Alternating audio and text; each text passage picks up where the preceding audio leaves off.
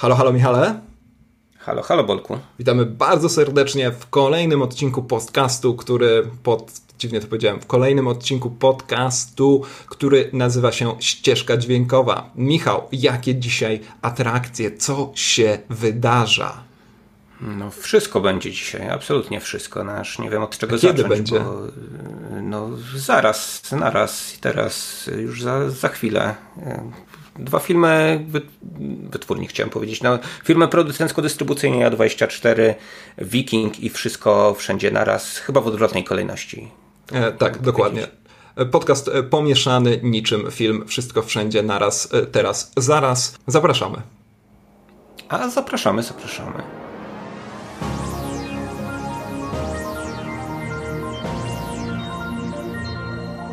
Rozpoczynamy naszą rozmowę o filmach y, dystrybuowanych przez firmę A24, czy jak to woli A24. E, od filmu e, Wszystko Wszędzie Naraz. Od jakiegoś czasu już ten film jest y, u nas e, w kinach.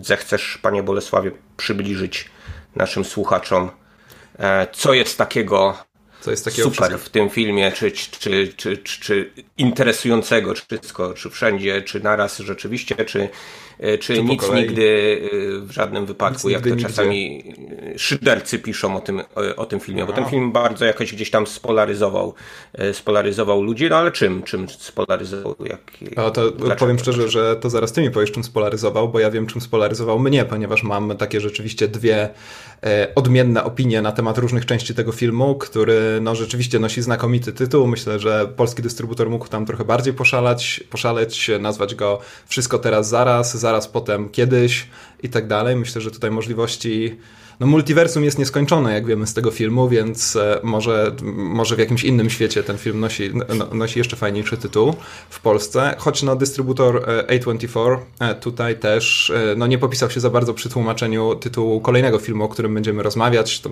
świetna okazja została przegapiona, ale o tym za, znając nas pewnie za trzy godziny, kiedy skończymy rozmawiać o tym.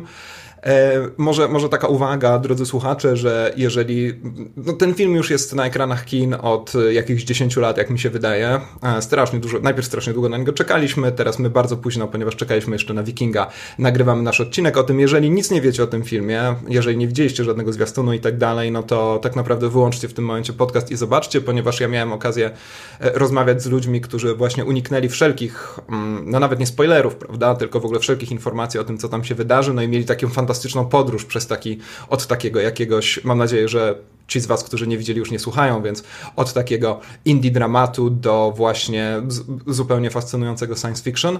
E, i trochę zazdroszczę, że ja też coś o tym filmie już e, wiedziałem, e, ale jeżeli chodzi o polaryzację, to, to, to tutaj muszę się kurczę trochę, trochę domyślać, co masz na, no właśnie, myśli, jeżeli chodzi o taki generalny odbiór, wyobrażam sobie, że no właśnie to, że to ten film, to, to ten film, że ten to, to, to film, e, to jest takie wszystko naraz, teraz, wszyscy razem w jednym rzędzie i tak dalej, e, no to ta dzika mozaika przeróżnych rzeczy może gdzieś tam kogoś odrzucić koniec końców e, na mnie to bardzo fajnie działało przez 3 czwarte tego filmu, a w końcówce wydaje mi się, w końcówce, czyli w ostatnich 40 minutach, to jest jednak monumentalne, bardzo długie dzieło, tam ponad dwugodzinne chyba, e, rzeczywiście pewnych rzeczy troszkę zaczyna brakować, troszkę są, mam wrażenie, maskowane właśnie pewnymi efektownymi rozwiązaniami, no ale nie zmienia to faktu, że jakby przez trzy czwarte tego filmu siedziałem i myślałem, że nic w życiu już lepszego nie obejrzę. Więc ja jestem trochę taki spolaryzowany wewnętrznie, ale lubię takie polaryzacje,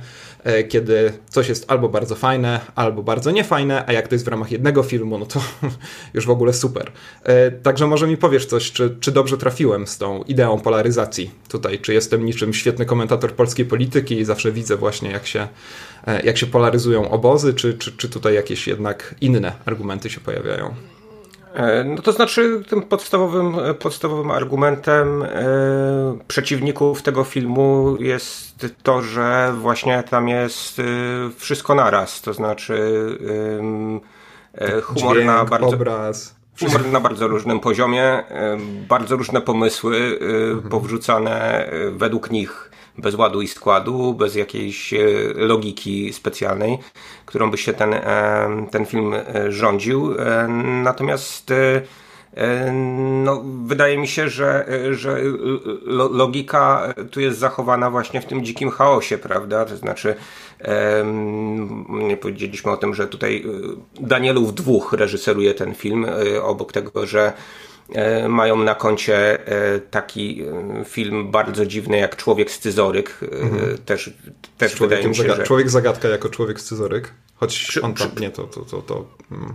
ty w tym Nie, to ja powiem, co to za film, może to, da, jeszcze inny Daniel Radcliffe tak, jest tam scyzorykiem, to znaczy, znaczy takim trupem, z którym można różne rzeczy z, z, zrobić. Paul Dano. Głównie skatologiczne, tak. Tak, tak, tak. No i właśnie humor w tamtym filmie też był problematyczny I dla niektórych. No bo... Jezus, ja, ja pamiętam, że zasnąłem na nie. Też nie jestem jakimś specjalnym, e, specjalnym fanem tamtego, e, tamtego filmu, natomiast e, no niewątpliwie coś absolutnie, absolutnie dziwnego, prawda, jeśli chodzi o, o, o konstrukcję świata przedstawionego, no to, no to jest domena tych, tych, tych pa, panów Danów, tak, takich panów Danów. Będę, Pan Danów, będę, tak. będę określał. Nieprzypadkowo chyba też E, w ich filmografii znajduje się serial Legion. I, I też y, oglądając film Wszystko Wszędzie Naraz, ja miałem takie no nieodparte skojarzenia, że trochę dobrych rzeczy zostało przeszczepionych tam po prostu z serialu Legion, który chwaliliśmy, prawda? Tak, 100 lat temu. podcaście mhm. już, y, e, już, już tutaj, zwłaszcza jakieś takie bardzo mocne zagłębianie się w mroki świadomości, która gdzieś tam kreuje takie, te, te, takie czarne światy. Tutaj ten czarny bajgiel prawda, prowadzi do, e, do, do takiej czarnej dziury zasysającej wszystko w nicość i, to, i te sceny nawet wydają mi się e, jakby były po prostu przeszczepione z, e, serialu Legion, ale oprócz tego wszystko wygląda jak takie bardzo dzikie azjatyckie kino. Ja przepraszam tutaj za e, orientalizację, Czyli ale. z Pakistanu, Michał? E, nie, z e, tych e, e, regionów e, Azji, w których łączy się wszystko ze wszystkim. W sensie eklektyczność gatunkowa jest na porządku dziennym. Mówiliśmy o tym chociażby chyba przy okazji e, horroru koreańskiego Lament, prawda, który też łączył e, najróżniejsze ze sobą tonacje i najróżniejsze ze sobą E, gatunki tak naprawdę, to, że mamy do czynienia gdzieś tam z elementami e, komedii slapstickowej w zupełnie wydawałoby się poważnym e, dziele, to dla wielu twórców kina z Hongkongu czy Korei na przykład no, jest, jest całkiem, całkiem, całkiem normalne, zjadliwe, a w naszym kręgu kulturowym, że tak powiem, to często, często jest ostateczny, ostateczny zarzut, tak, że tutaj po prostu mamy nietrzymanie konwencji, że tak, nietrzymanie tonacji, tak. prawda, tak, gdzieś tam latamy sobie pomiędzy właśnie tak zwanym niskim i tak zwanym wysokim, no i to jest, to jest taki film, który po prostu mm, no, gdzieś sobie po prostu skacze od dramatu egzystencjalnego głównej bohaterki e, do e, skakania na korki analne. No, mm, tak, prostu, tak? tak to, to, musiało się wydarzyć w tym filmie. Tu się, tu, tu się, tu się dzieje wszystko wszędzie, tak? I Tutaj trzeba, trzeba dodać, że no, symbol tego kina hongkońskiego, czyli Jackie Chan, miał gdzieś tam na pewnym etapie grać główną rolę we Wszystko Zaraz Teraz. E, koniec końców nie zagrał, wydaje mi się, że z, korzy z korzyścią dla wszystkich tak naprawdę. No nie wiem, czy z korzyścią dla niego, nie wiem, co on tam teraz robi, ale życzę mu oczywiście wszystkiego najlepszego. E, no tak, rzeczywiście e, film jest e, okrutnie wymieszany. Bardzo fajne jest to skojarzenie z Legionem, o którym wspomniałeś, bo tak jak gdzieś tam w moich poprzednim filmie pełnometrażowym się wspomina o tym wymieszaniu, oczywiście też dużo osób już mówiło, pewnie my też do tego będziemy wracać, no to ten Legion serial, no przecież marvelowski tak naprawdę, jest, e, jest, jest tutaj znakomitym punktem odniesienia. Tutaj nie tylko ten Bajgiel, e, który rzeczywiście na też takim estetycznym, wizualnym poziomie przypomina to, co wydarza się w Legionie, to, także ta sceny, kiedy ta główna zła, nazwijmy ją w ten sposób, powiem szczerze, zapomniałem, jak jestem w takiej sytuacji podobnie jak główna bohaterka, znaczy nie pamiętam, jak to e, demoniczne zło tam zwać. I... To może, możesz równie, równie zmyślać jak główna bohaterka, tak?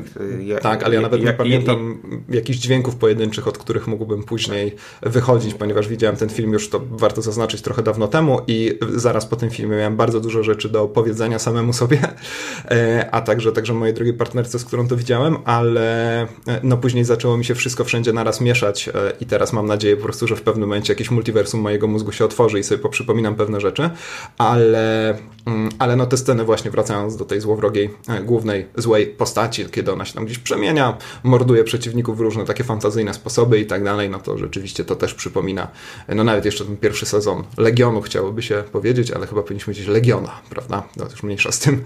E, w każdym razie, no super Michał, widzisz jak wyciągnąłeś informacje, ty to jesteś, to jesteś, jesteś najlepszą wersją samego siebie. Ty byś nie uratował multiversum, bo bo, bo, bo, bo, nie spełniałbyś tego podstawowego. Tak, dokonuję samych dobrych wyborów w swoim życiu. Jak, jak na, na, nagrywanie tego podcastu. Słuchajcie, to co tutaj się dzieje, wyborów. tych dwóch smutnych, już, już nie najmłodszych mężczyzn, którzy nagrywają podcast, to jest właśnie najlepsza, najlepsza wersja naszego życia. Jakby musimy się z tym pogodzić. Nic, nic, nic bym nie zmienił, niczego nie żałuję, jakby powiedziała Edith Piaf, tak? tak że, oczywiście mógłbym być gdzieś indziej w tym momencie, no ale kurczę, no siedzę tutaj i nagrywam ten wspaniały podcast, prawda? E, tak. Dla Państwa, więc nie więc, więc, więc cóż, cóż lepszego mogłoby mi się e, przytrafić. E, no ten film, e, wracając do filmów pan, Panów Danielów,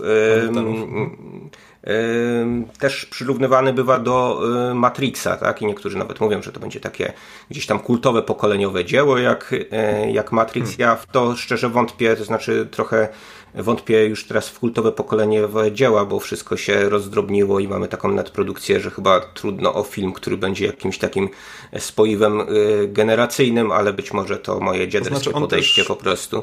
To jest bardzo ciekawe, mhm. co mówisz. Być może coś takiego będzie, tylko my tego nawet nie, nie zauważymy. Ostatnio z jakiegoś artykułu dowiedziałem się o jakiejś niezwykle popularnej książce, której autorka zdobyła ogromną popularność w tym takim e, amatorskim, powiedzmy, serwisie Wattpad, Wattpad, Wattpad. E, no i to mhm. sprzedaje się w Polsce w jakiejś ogromnej liczbie egzemplarzy. Te wersje darmowe właśnie prezentowane w serwisie mają jakąś niepojętą liczbę odsłon, a ja w życiu o tym nie słyszałem, prawda? Więc jeżeli będzie jakieś, pokole... jakieś takie mm, generacyjne przeżycie, taki tekst generacyjny właśnie, e, który, który, który to pokolenie, czymkolwiek miałoby być, jakkolwiek mielibyśmy je zdefiniować, uzna za swoje, przytuli gdzieś tam i będzie pieścić przez, e, przez kolejne lata, no to jest szansa, że my chociażby dlatego, że nie mamy zainstalowanego TikToka, tego nie zauważymy, więc też bym był bardzo ostrożny właśnie z takimi stwierdzeniami, że o panie, to jest to jest nowy Matrix. No. Jest, jest już nowy no, Matrix poza tym. Więc. Jasne. tak, na pewno pokoleniowym filmem nie będzie. E, no, film dla nikogo, tak?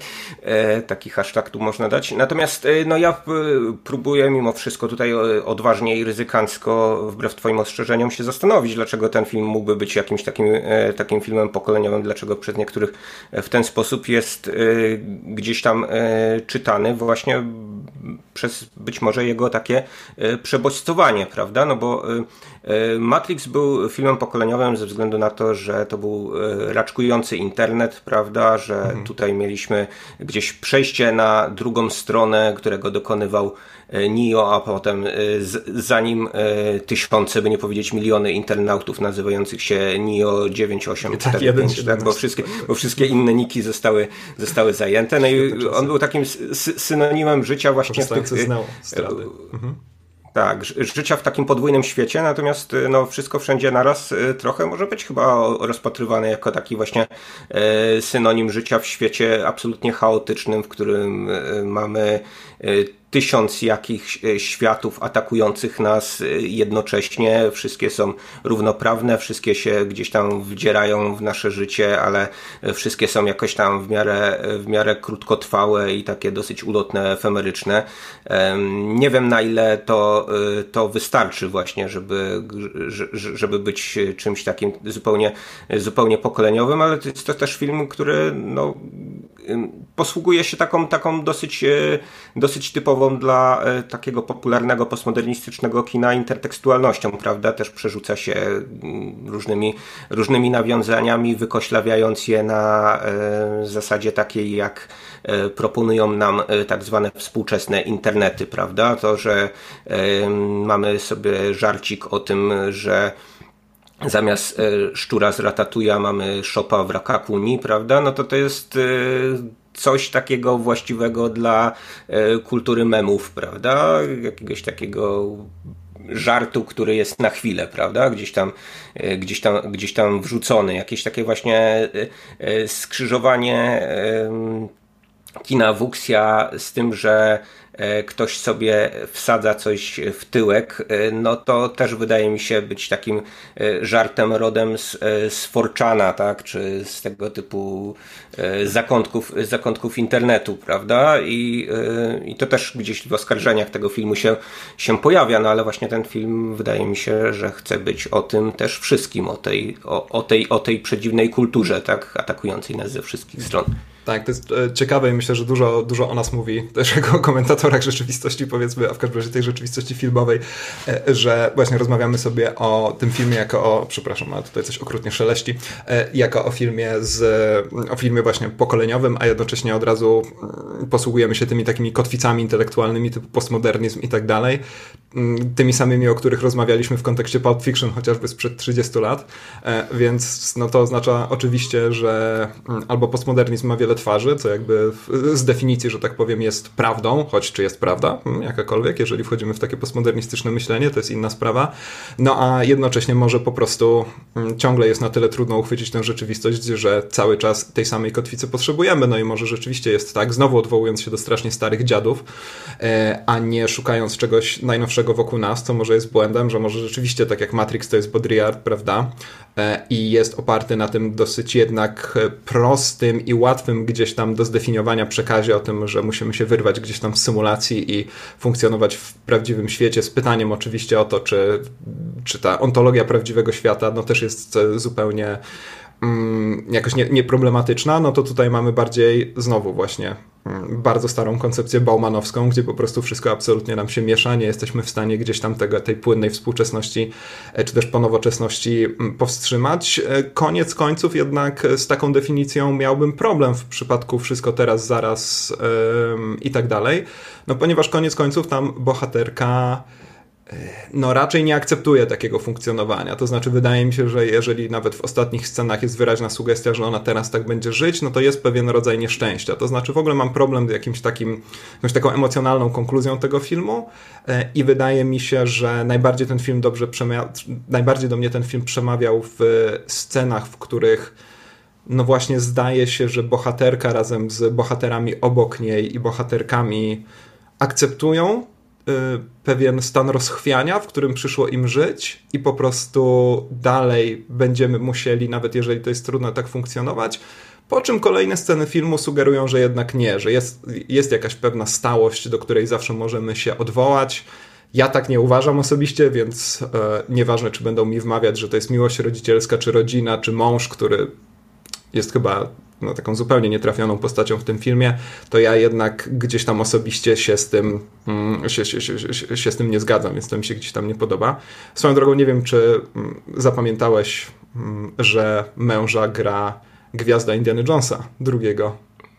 Tak, tak, słyszałem, słyszałem o tym. No i grał też w Gunis, tak? Ten tak, pan, tak, tak, ale to jest, to jest jego powrót. No, te dwa filmy jednak, wiesz, Gunis przy drugim, przy, przy Świątyni Zagłady, no to to jest jednak jak małe dziecko przy, Indiana Jonesie po prostu nie ma, nie, nie ma dosłownie. No więc. tak, wiadomo, znaczy ten Indiana Jones też dla, dla, dla dorosłych. Tak, to jest, to, no przepraszam, no, nie, nie, nie, nie, nie, nie dla takich dzieciaków. Oczywiście, tam jednak wy, wyrywają e, serce no, bijące, więc to jest poważny film. Nie, no, prze, nie, no to, to, mia, to miało PG-13, to były czasy, kiedy to tak, dostało tak, PG-13, także y, zresztą ta kategoria wiekowa specjalnie y, powstała gdzieś tam na y, starania właśnie Spielberga i, i, i spółki jego podopiecznych, Spielberga Lucasa, tak, i, Joe Dantego chociażby, żeby właśnie takie filmy jak Gremlins czy Indiana Jones y, no, miały dość szeroką, szeroką widownię, prawda, bo wówczas, e, wówczas kategoria PG-13, która dzisiaj nie jest jakimś tam przekleństwem tak, części tak, tak. Przynajmniej blockbusterów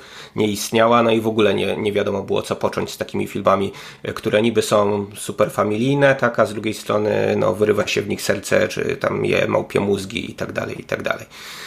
No dobra, ale, ale może wróćmy, wróćmy z tamtego uniwersum do tego, do tego multiversum multiversum, prawda, e, multiversum filmu E, wszystko wszędzie naraz, no bo tak, bo można, można ten film rzeczywiście e, czytać, wydaje mi się, w taki, w taki sposób, że on trochę, trochę o współczesnej kulturze opowiada. Zgadzam się z tym, co powiedziałeś, że on ma znowu taki bezpieczny, konserwatywny przekaz, Bardzo, koniec końców, tak, że, tak, tak, że to jest, no, to jest coś, co no, tu, tu bym też oczekiwał trochę większego szaleństwa, prawda? Albo pójścia nawet za tym bajglem, prawda? To, to, to, to byłoby gdzieś tam, gdzieś tam zupełnie, zu, zupełnie pod prąd, nawet jeżeli jest y, wysmażony za bardzo, tak? Czy spieczony na ten taki czarny kolor, to, y, no to tak, może, to jeżeli może, może i tak wa warto. No, no, bo wiadomo, Znowu że te krakowskie motywy patrzycie w tego bajgla, to bajgl patrzy w was, więc, mhm. więc, więc trzeba go jakoś tam skonsumować, przyjąć i zagarnąć.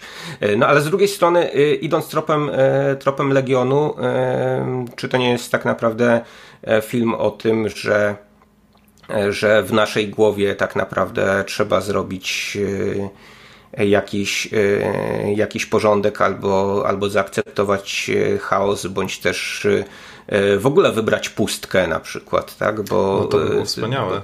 Takie buddyjskie ten, przesłanie.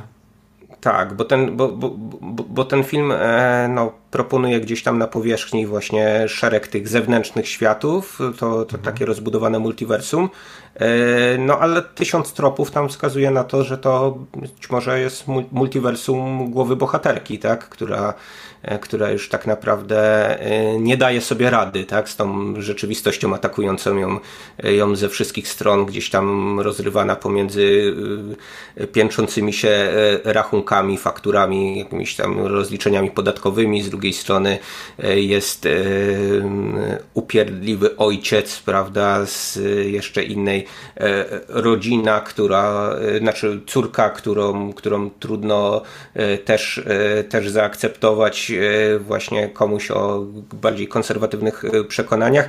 E, no i nagle, nagle z tego, z tego, z tego wszystkiego, wszystkiego chaosu jej mózg no, eksploduje na, na, na tysiące światów, a to cały czas ten sam ten sam świat.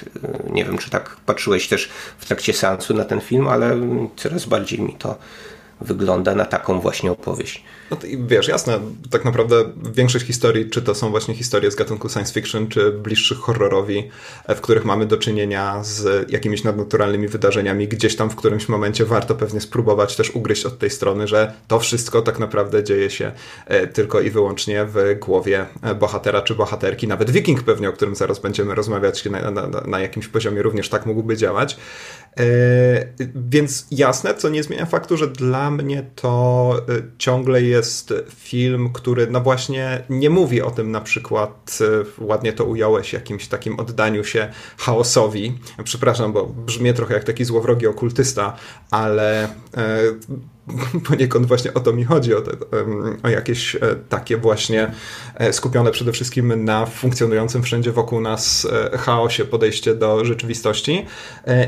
I właśnie koniec końców mamy tę konserwatywną kotwicę, która w dodatku w filmie, no chociażby w postaci tego męża, która według mnie jest bardzo źle napisana, Koniec końców, bardzo często mówię koniec końców, może to e, przez ten, może to jest jeszcze jakiś alternatywny tytuł dla, dla filmu, o którym e, rozmawiamy. No więc koniec końców e, prowadzi nas do takiego bardzo paradoksalnie stabilnego wyjaśnienia całości. I nawet jeżeli rzeczywiście bohaterka kończy, jak mi się wydaje, w miejscu złym, ponieważ e, to jest wyraźnie pokazane, że funkcjonowanie w tych kilku multiversach, czy też w tych kilku uniwersach naraz jest e, piekielnie męczące, zarówno dla samej osoby funkcjonującej, jak i dla e, wszystkich wokół, no to jednak jest pewien klucz, pewien wytrych, który okazuje się faktycznie banalny e, i, i, i, i, który pozwala nam gdzieś tam w tym funkcjonować. To, no ja, ja, bardzo często opowiadam, kiedy, kiedy rozmawiamy sobie o filmach, opowiadam o tym, że jakiś tam film gdzieś tam nie zgadza się powiedzmy z moimi przekonaniami, a jednocześnie nie jest w stanie mnie nagiąć do swoich przekonań.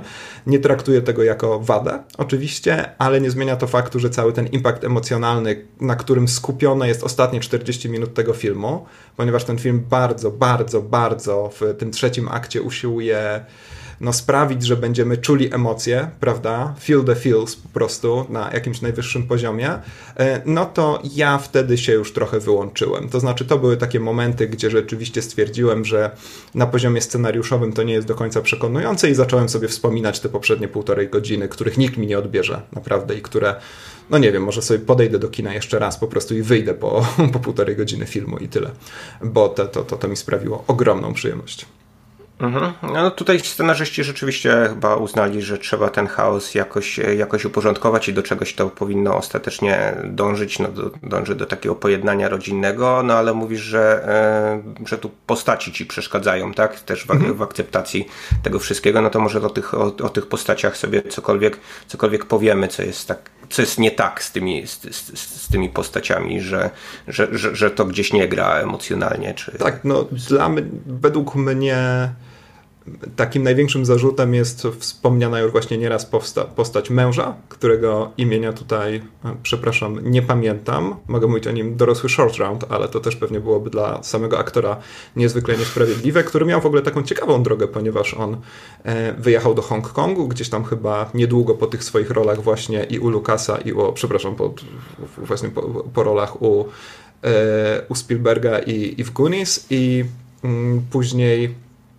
zajął się bodajże choreografią walk, no i na pewnym etapie e, stwierdził, że być może jest dla niego z powrotem miejsce w Hollywood. Widać, że on jest jeszcze bardzo nieoszlifowany aktorsko, ale rzeczywiście dzielnie się stara. Ja mu serdecznie kibicuję, bo aktorsko nie mam z nim problemu, mam, problemu z ty- mam problem za, tym, za to z tym, że on tam no, pełni, jak się okazuje w ostatnich 40 minutach filmu, niezwykle istotną rolę ze względu na swoją osobowość, ze względu na swoje podejście do życia, e, która w jakiś sposób też bardzo mocno wykręca bohaterkę na te z powrotem, jak twierdzą autorzy filmu, właściwe tory.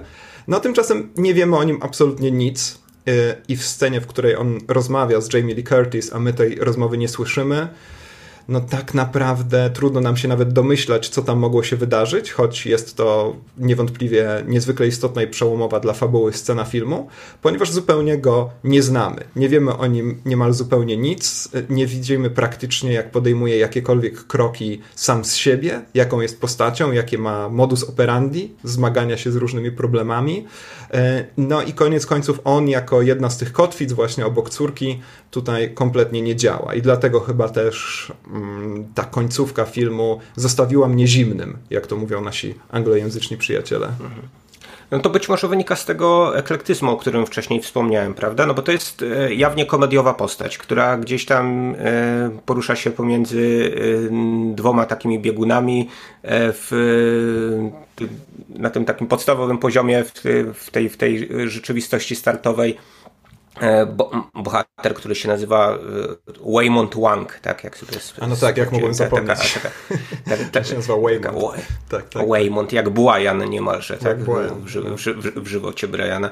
E, no to on jest takim takim sympatycznym niemotą, tak można byłoby powiedzieć, takim takim go, gościem, który się potyka o własne nogi, który, który gdzieś tam chce dobrze, ale nic mu nie wychodzi na takim, takim życiowym safandułą, prawda? Prawda? No ale z drugiej strony no, jest tym takim, mm, no można powiedzieć, e, super bohaterem przemierzującym różne multiversa, który, e, który gdzieś tam no, dotarł do tej rzeczywistości, żeby, e, żeby uratować cały, cały, cały wszechświat. No więc, więc narysowana jest ta postać no, tak naszkicowana, tak, jako, jako właśnie, mhm. jaka taka, jako taka komediowa, no i być może to dlatego się potem nie spina specjalnie e, z mm, główną bohaterką, prawda, no, która e, wiadomo jest, e, jest absolutnie połamana, ale, ale mm, zarazem no, mamy, mamy jakby pełen, pełen wgląd w jakieś takie szerokie spektrum, prawda, jej emocji, takie jej skomplikowanie psychologiczne. Więc tutaj, e, tutaj rzeczywiście no, trochę się tak odbijamy pomiędzy, pomiędzy różnymi rejestrami, no i taki urok albo przekleństwo tego, e, tego filmu, prawda, no bo są takie postacie, które wyglądają dla mnie no, jak, jak, jak w, w, wyciągnięte z takiego przegiętego kina Sama.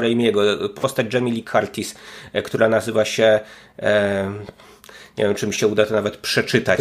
Nazywa się Deirdre Bobirdra, tak? Chyba tutaj jakby, nie wiem, specjalnie dla nas chyba scenarzyści w ten sposób, w ten sposób nazwali tych, tych ludzi, no ale trochę jest jakichś takich aliteracji, jest, jest ten ojciec, który się nazywa Gong Gong po prostu.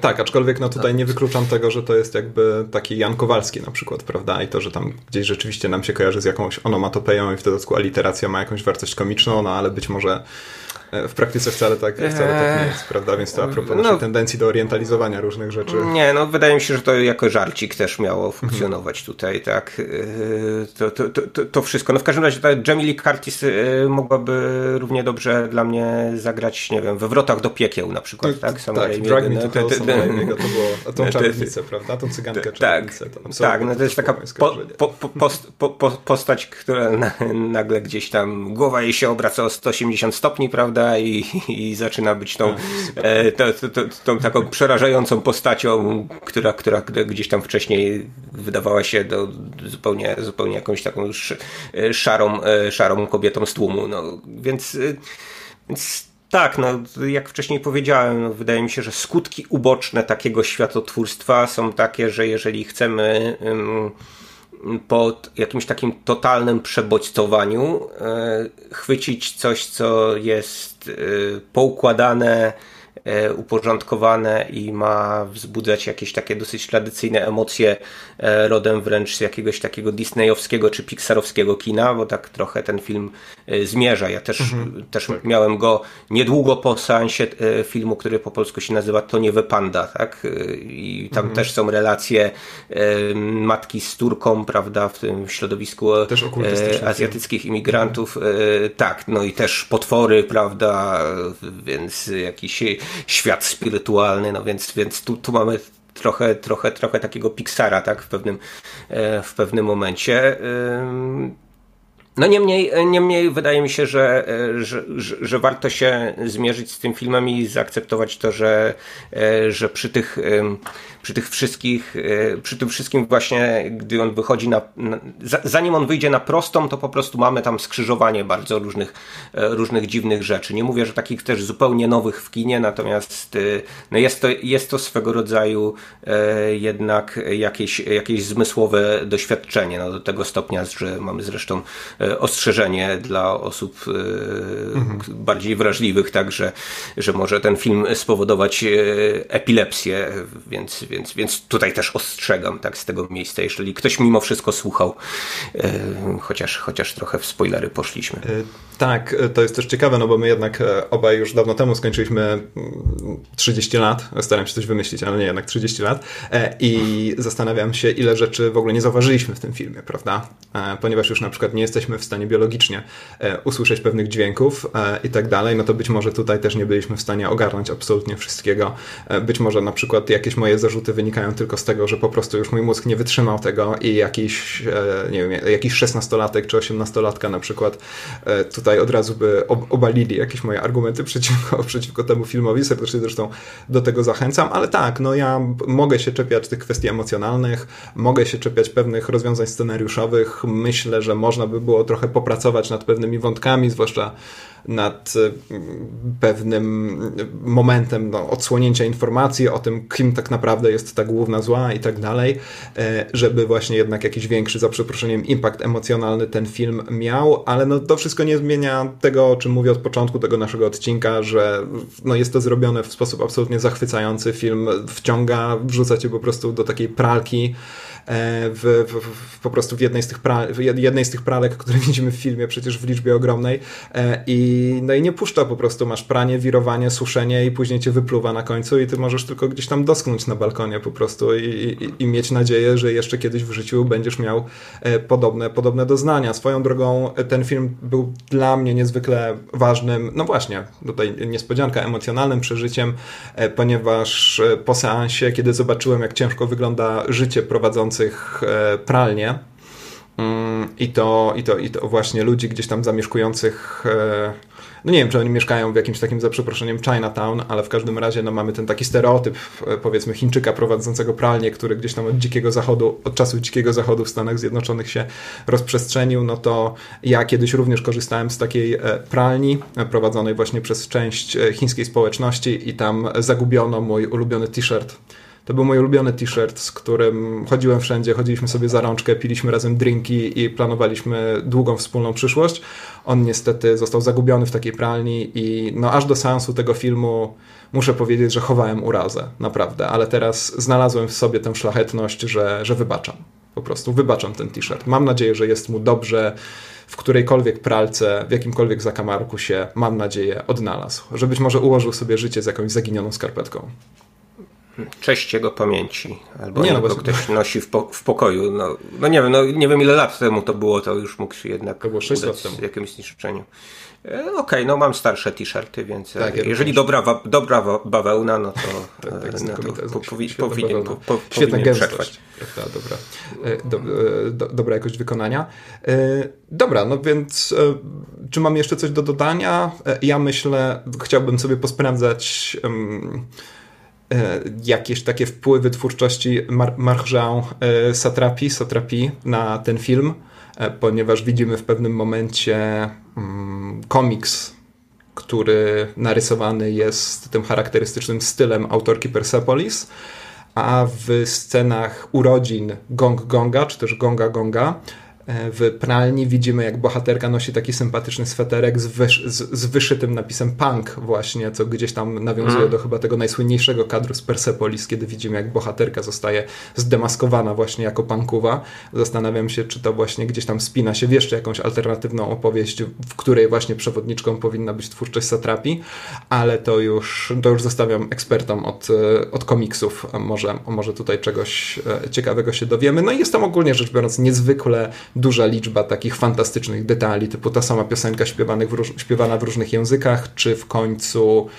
e, Zresztą są też cytaty gdzieś tam z tej piosenki bardzo łagodnie wpięte, e, wplecione, przepraszam, w dialogi. No i w końcu chyba moim faworytem są sceny, które są pastiżem e, Wong Kar To jest mój. Tak, tak. No, przy tak, tym się znakomicie bawiłem, przy tych właśnie charakterystycznych utratach ostrości, tym deszczu gdzieś tam, tym świetle, który gdzieś tam rozmywa się na obiektywie. Oczywiście mówimy tylko, dodam. Smut, smutny, nuarowy pan, pa, e, ćmiący papierosa. Tak, tak w garniturze oparty gdzieś tam w jakimś, w jakimś zaułku, prawda, wygłaszający bardzo, bardzo, bardzo głębokie, bardzo poważne deklaracje. Niezwykle, niezwykle mi się to podobało. No jest takich różnych odwołań filmowych, które na pewno, na których na pewno jest tam mnóstwo, to odwołanie do do, do, do, do Wonga gdzieś tam najbardziej mnie ruszyło. E, coś ja z kolei, z kolei bardzo doceniam to, że do Bollywoodu dodano parówki. Myślę, że gdyby dodano, mm. dodawano parówki do każdego bollywoodzkiego filmu, e, w sensie nie do seansu, tylko wplatano w fabułę, to, to myślę, że Bollywood byłby e, dużo fajniejszym miejscem i dużo I lepiej być może nie tylko Bollywood. te filmy. Być mhm. może w ogóle wszędzie powinniśmy dodawać więcej palcoparówek i ogólnie życie byłoby przyjemniejsze. Myślę, że, że, że, każdy nudny, za długi film e, w wersji parówkowej stałby się czymś, czymś tak. jednak godnym to uwagi. To powinien być dodatek na Blu-rayu, jakby koniec z wersjami reżyserskimi, koniec z wersjami z komentarzem, e, czas na wersję po prostu z parówkorękami. No i też nie, zapomina, nie zapominajmy oczywiście, że teraz wszystko wszędzie naraz zaraz to jest film, który każe przez mniej więcej 3 minuty obserwować e, nieruchomy ekran, na którym mamy dwa kamienie i tylko i wyłącznie wyświetlają się ich dialogi, prawda? Co jest... to, był, to był wspaniały pomysł, żeby po tym całym oczopląsie to jest cudowne, e, tak.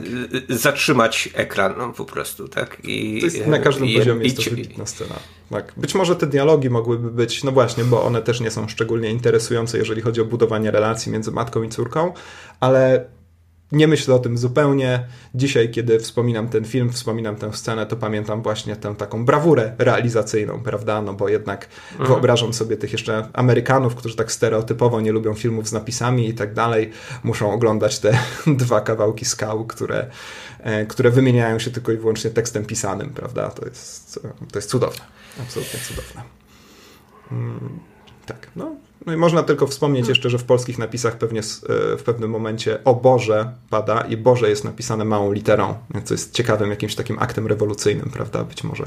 Ale nie przez RZ. Nie, nie, nie. Bo być, e, może, być może to by było takie pogańskie jednak odwołanie, tak my zaraz to o pogańskim filmie Do Olgi z więc... zboru jakiegoś tam, tak, z, nie pamiętam jaki to był, e, jakiś to był las, czy bór, czy cokolwiek, a może Brzozowy. Jest, brzozowy. Brzozowy był. A może mhm. bór to jest las tylko konkretnych, e, konkretnych drzew, prawda? To jest, to jest ciekawe.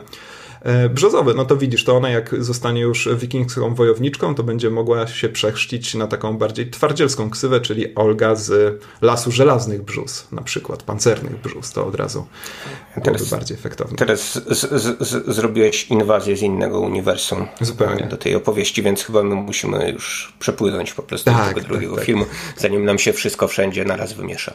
Tak, e, uprzedziłem, że mam e, straszny chaos w głowie po tym filmie, no i dałem temu wyraz. Rzeczywiście mam nadzieję, że Wiking, który jest e, no, opowieścią niezwykle banalną, pozwoli mi też na jakieś bardziej sensownie ustrukturyzowane wypowiedzi, ale zanim przejdziemy do Wikinga, chciałbym na chwilę nawiązać do naszej rozmowy o filmie, o serialu Krakowskie Potwory. Mianowicie rozmawialiśmy sobie tam dość dużo o tym, że w Krakowie się przede wszystkim pije, E, i tak naprawdę to jest być może główna czynność wielu krakowian, co, co, co, co ty właśnie robisz, znaczy nie, że pijesz w tym momencie, ale no jesteś krakowianinem, a tutaj pokazujesz jakąś aż wodę. Się, aż się na, napije się. Tak. Masz Skąd wiesz, że to woda? Nie, nie, nie wiesz tego.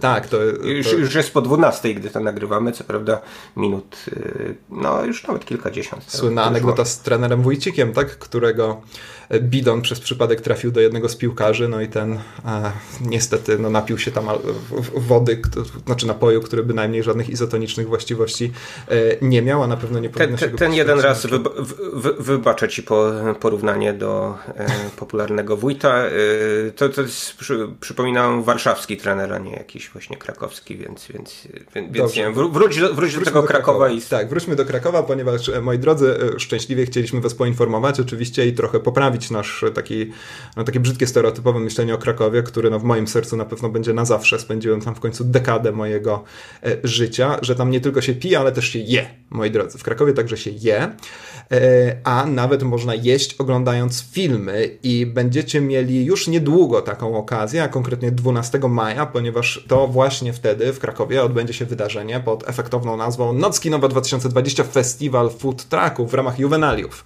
Michał, e, ty i ja już nie pamiętamy pamiętamy za bardzo, co to są juvenalia, no bo to Juve, no to nam się może najwyżej kojarzyć z pewną popularną drużyną, a nie młodością już, na pewno. Rozmawialiśmy o tym wielokrotnie w tym, e, w tym odcinku, ale rzeczywiście będzie to wydarzenie, w którym siedzicie sobie pod kocami, jeżeli pogoda dopisze, a czemu nie E, i będziecie spożywać jakieś fantastyczne rzeczy z pobliskich food trucków, oglądając filmy. Jakie to będą filmy, jakie to będą food trucki, to tego wszystkiego dowiecie się klikając w link do wydarzenia, który znajdziecie w opisie tego odcinka. Michał, powiedz mi tylko, jaki byłby twój wymarzony food truck do, do oglądania filmu? Co no, byś sobie najchętniej przekąsił? Już, już zaspoilowałem, że, że paróweczki jakby były do, do filmu, to, to było wspaniałe. Byłoby, tak. byłoby super, tak. No powinni, mam nadzieję, że tam będzie jakieś dostosowanie, to znaczy będzie się jadło kisiel e, w trakcie seansu filmu Hannibal, będzie się jadło parówki w trakcie seansu Wszystkiego Wszędzie Naraz i rzeczywiście w pewnym momencie zjadając te parówki poczujesz się jak kanibal po prostu. Zastanowisz się, czy przypadkiem nie połknąłeś też jakiegoś paznokcia z tych palców, a biorąc pod uwagę jak robione są parówki, to w sumie nie jest to niewykluczone, ale nie chcemy absolutnie takiego obrazu zostawiać wam w głowie, reklamując wam to sympatyczne, sympatyczne wydarzenie. E, słuchajcie, e, będziecie tam może mogli nawet spotkać Michała, nie wiadomo, ale w każdym razie na pewno będziecie mogli zjeść coś z fajnego food trucka i obejrzeć fajny film, leżąc pod równie fajnym kocem, więc tak jak mówię, klikajcie sobie w link, sprawdzajcie co się dzieje, czekajcie na ogłoszenia, jakie będą filmy, jakie będą food trucki, no i czujcie się młodzi przede wszystkim, bo to w końcu juvenalia, więc no tak, no, święto, święto młodzieży, prawda? Co tu, Kiedyś co, to było. Kiedyś to było, tak jest.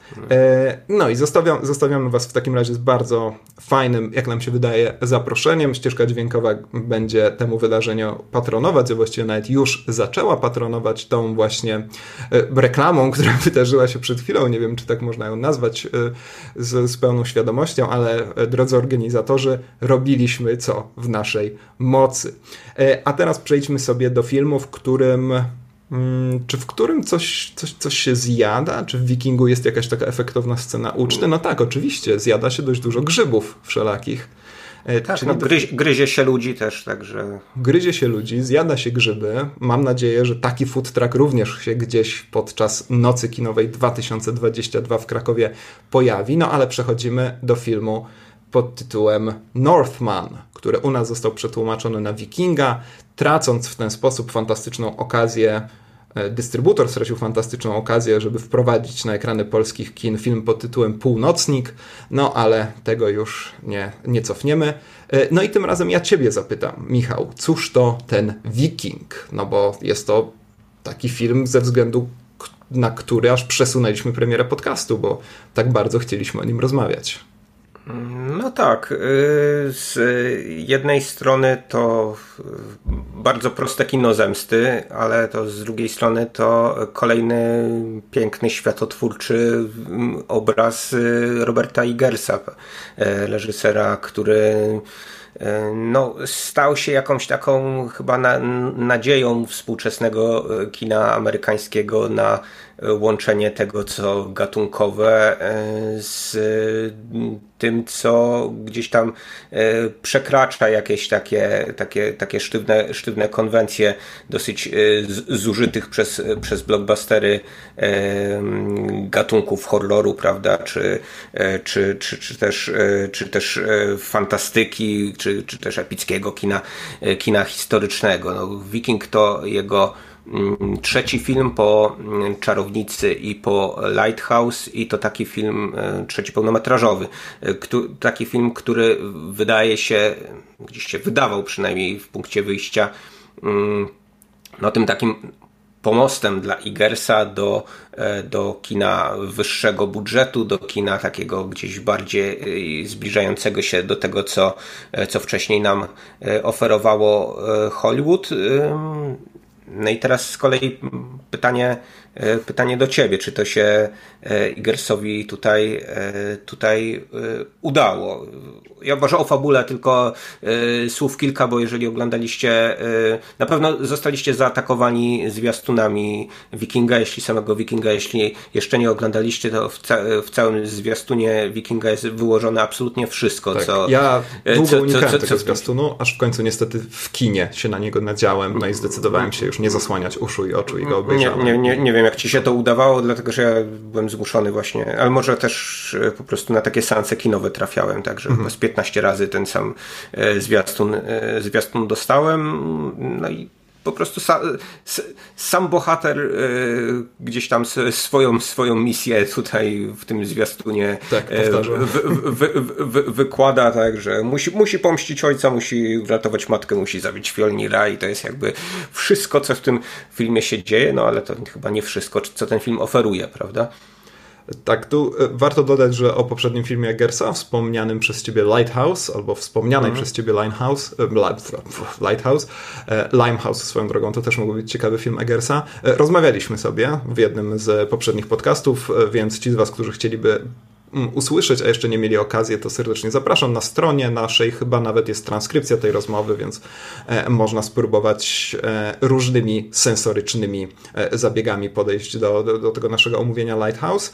No, wspomniałeś o tym budżecie. Rzeczywiście Viking ma, ja słyszałem coś między 70 a 90 milionów dolarów budżetu. Wikipedia chyba mówi o 80, więc takim, no właśnie, krakowskim, przypominamy, krakowska noc kinowa, już niedługo, targiem mm, ustalmy, że jest to 80 milionów dolarów, co prawdopodobnie jest w ogóle budżetem wytwórni A24 czy też A24 na kolejne 24 lata. E, film jak na razie zarobił, no nie zwrócił się oczywiście, ale tego chyba nikt się nie spodziewał, że, że szybko się zwróci, bo to jednak jest film nie dość, że nie do tak zwanej szerokiej rzeszy kierowany, mimo gwiazdorskiej obsady, to jeszcze e, film o dość ograniczonej dystrybucji, zwłaszcza w dzisiejszych czasach, więc zobaczymy jak to wyjdzie. No, budżet w tym filmie rzeczywiście widać. E, wiemy, na co Eggers zwykle wydaje pieniądze. Wydaje je przede wszystkim na to, żeby, no właśnie, kłaść nacisk na to, o czym też wspomniałeś, czyli na światotwórstwo. Pamiętamy, że w filmie The Witch, czyli czarownicy, e, wszyscy ubrani w autentyczne stroje z epoki gdzieś tam jakby zaraz zeszli ze słynnego statku Mayflower w mm, autentyczny sposób, gdzieś tam koszą zboże i tak dalej, i tak dalej. W Lighthouse również, no, nawet jeżeli jest to film stosunkowo kameralny, no to wszystkie detale są dopracowane do niemożliwości. No i tutaj jest podobnie, zresztą jednym z konsultantów jest Eric Price, pracujący chyba w Szwecji w tym momencie, a może też już od dłuższego czasu taki ekspert od, od wikingów, pośród też innych postaci.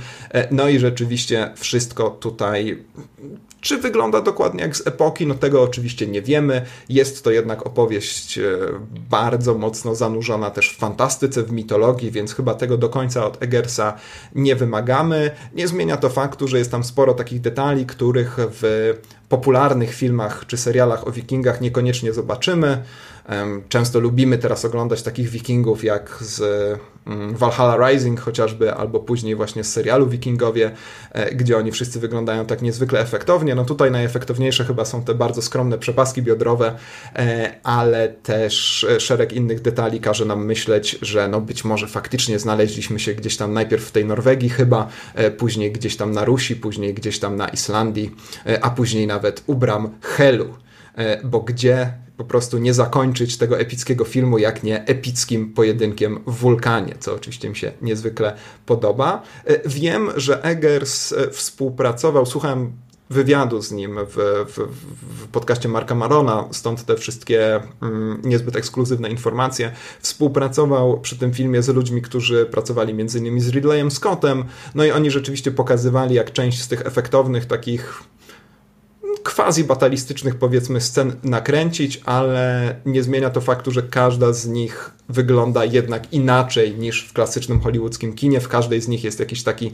to zabrzmi enigmatycznie, ale myślę, że dobrze oddaje całą sytuację, arthouse'owy stempel, e, nawet w scenie, w której no, główny bohater Mm, niejaki książę Amlet, o tym pewnie też sobie zaraz porozmawiamy, gdzie to H się zgubiło po drodze, e, łapie włócznie, po czym odrzuca ją, prawda? No i później ma takie długie ujęcie, kiedy następuje sztorm, e, sztorm, szturm, przepraszam, na pewną e, biedną ruską wioskę. No więc wygląda to, wygląda to super wszystko i pod tym kątem wizualnym, audialnym film robi, jak mi się wydaje, ogromne wrażenie. Mhm. A pod kątem fabularnym, dlatego że to jest znowu jakiś taki rzeczywiście zarzut wobec tego, e, tego filmu, że mm, Eggers, który rzeczywiście no, jest e, jakimś takim e, człowiekiem bardzo skrupulatnie przywiązanym do odtwarzania detali z, da, z danej epoki i tutaj z tego co czytałem, no, też to miało miejsce mówiłeś o tych, mówiłeś o tych e, kostiumach, czytałem chociażby o tym, że, e, że rzeczywiście ręcznie tkano e, części kostiumów po prostu, tak? No. Mhm. Tak, że to jest komuś potrzebne, nie, nie, nie? Nie, nie, nie, nie, wszystki, nie, nie, nie wszystkich rzeczy, które, które w ogóle opracowano dla tego filmu, nie wszystkie rzeczy widać, widać w kamerze, tak? No ale to jest te, no, taki koncept, który no, nie jest tylko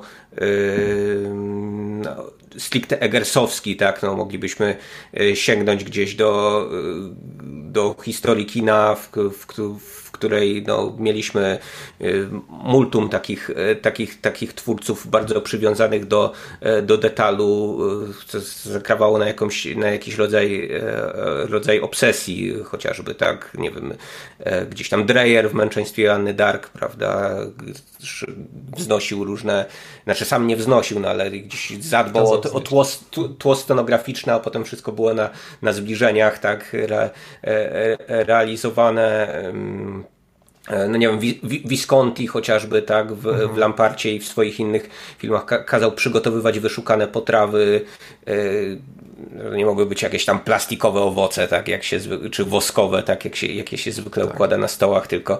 E, I ty, później te muszki rzeczywiście... trzeba było odganiać przed każdym ujęciem. no, no nie dało się tego powtarzać w, nies w nieskończoność, prawda, z, z, tymi, z, tymi, z tymi samymi potrawami, no a z drugiej strony to pewnie wszystko przynajmniej do czasu nieźle pachniało, tak, tak potem pachniało gorzej, więc i tak, i tak, tak i, tak, i tak chyba się źle grało, źle grało tym biednym, biednym aktorom.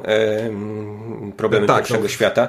Podobnie jest po, po, ponoć w Mad Men, gdzie, gdzie, gdzie mm, John Hamm wcielający się w Dona Drapera ponoć nawet bieliznę z epoki musiał na siebie przywdziać, a to były lata 50., więc później 60., więc na pewno nie było to szczególnie przy, przyjemne. Oczywiście Peter Jackson dostał wysypki. Pierścieni, tak, tak, bardzo możliwe. Władca Pierścieni, gdzie no, do dzisiaj gdzieś tam fani znajdują jakieś efektownie przygotowane rekwizyty, które no właśnie nawet nie mignęły przed kamerą.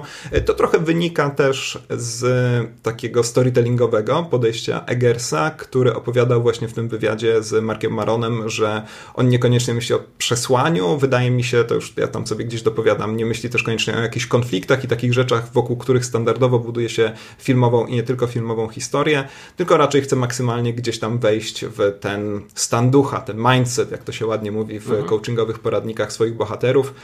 E, no i dzięki temu rzeczywiście jest w stanie poprowadzić ich w taki sposób, e, powiedzmy, przekonujący, gdzieś tam, gdzie ma, mamy próbę właśnie e, odtworzenia tego, jak myślał człowiek z danej epoki, no chociażby właśnie taki osadnik z Mayflower, który nagle widzi jakąś mocno podejrzaną kozę, prawda? I tak dalej. Więc e, to są ciekawe elementy, aczkolwiek no dla, nas, dla nas jako widzów no to jest chyba taka, taka wartość anegdotyczna, prawda? No fajnie, że, mhm. że, że tkali te ciuchy i tak dalej, ale i tak jest ciemno w tym filmie, więc.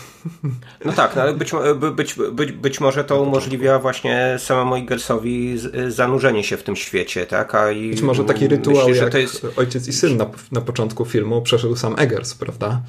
E, tak, no jakby w ogóle kino Igersa jest jakimś takim, takim kinem trochę szamanistycznym, prawda? I można powiedzieć, że przez autentyczność rekwizytu być może w jakiś taki spirytualny sposób my, czy być może sam reżyser w to wierzy, także wchodzimy e, w te, w te, jego, w te jego światy, no bo te światy, tak jak, tak jak powiedziałeś, no gdzieś tam Mm, są, e, są skrupulatnie odtwarzane, e, nie, nie są e, koniecznie wyposażone właśnie w takie wydarzenia z podręczników amerykańskich czy hollywoodzkich scenarzystów, natomiast, natomiast mają swoją obcością i jakimś takim rodzajem egzotyki fascynować, mają sprawiać, że chcemy się gdzieś w nich E, w nich zanurzać. I jeszcze jedna kwestia, która jest, wydaje mi się, e, istotna dla samego Igersa, to znaczy to, to są e,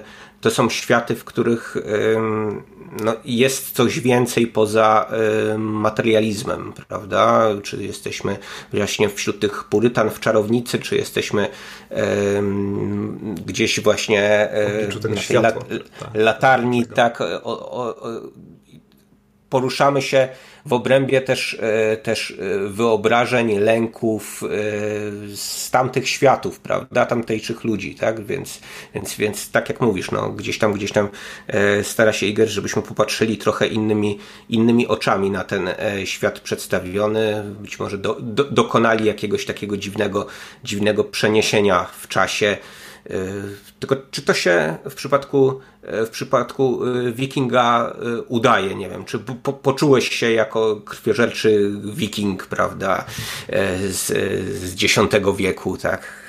No, trochę, trochę się poczułem, muszę przyznać. To znaczy, ja jestem wielkim fanem tego filmu. Ogromnie mi się podobały te dwie i pół godziny, które, które spędziłem na seansie filmu Viking. E, jeszcze tylko a propos tego, o czym mówiłeś, o tej właśnie eksploracji różnych, eksploracji różnych zarówno lęków, ale też jakiejś trans, transcendencji, no to to jest niezwykle interesująca ewolucja u Eggersa tak naprawdę, kiedy on zaczyna od filmu, który jest no, gatunkowo horrorem po prostu. Możemy sobie mówić, że to jest tam elevated horror i tak dalej, ale jednak w przeciwieństwie na przykład do Ariego Astera bardzo szybko z tego szablonu Eggers się wyzwala, no i z, zaczyna przykładać właśnie te elementy nadnaturalne, te elementy lęku do zupełnie innych światów, do zupełnie innych konwencji gatunkowych także, no i jak na razie wychodzi mu to, wychodzi mu to wspaniale.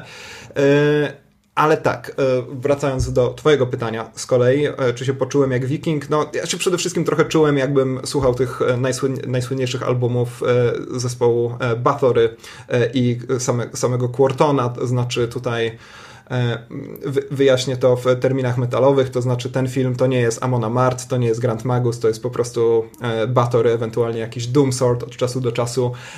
Ja bardzo lubię takie ponure wikingowe klimaty, więc niezwykle dobrze się bawiłem. Wspominałeś kilka razy o fabule, o której w rezultacie sobie nie powiedzieliśmy. No tutaj akurat Eggers nie ma chyba za bardzo problemu właśnie z tym poszukiwaniem konfliktów, poszukiwaniem jakichś punktów zwrotnych i tak dalej, no ponieważ jest to, tak jak wspomniałeś, bardzo prosta historia. E, mówi się o tym, że to jest jakieś tam przepisanie Hamleta.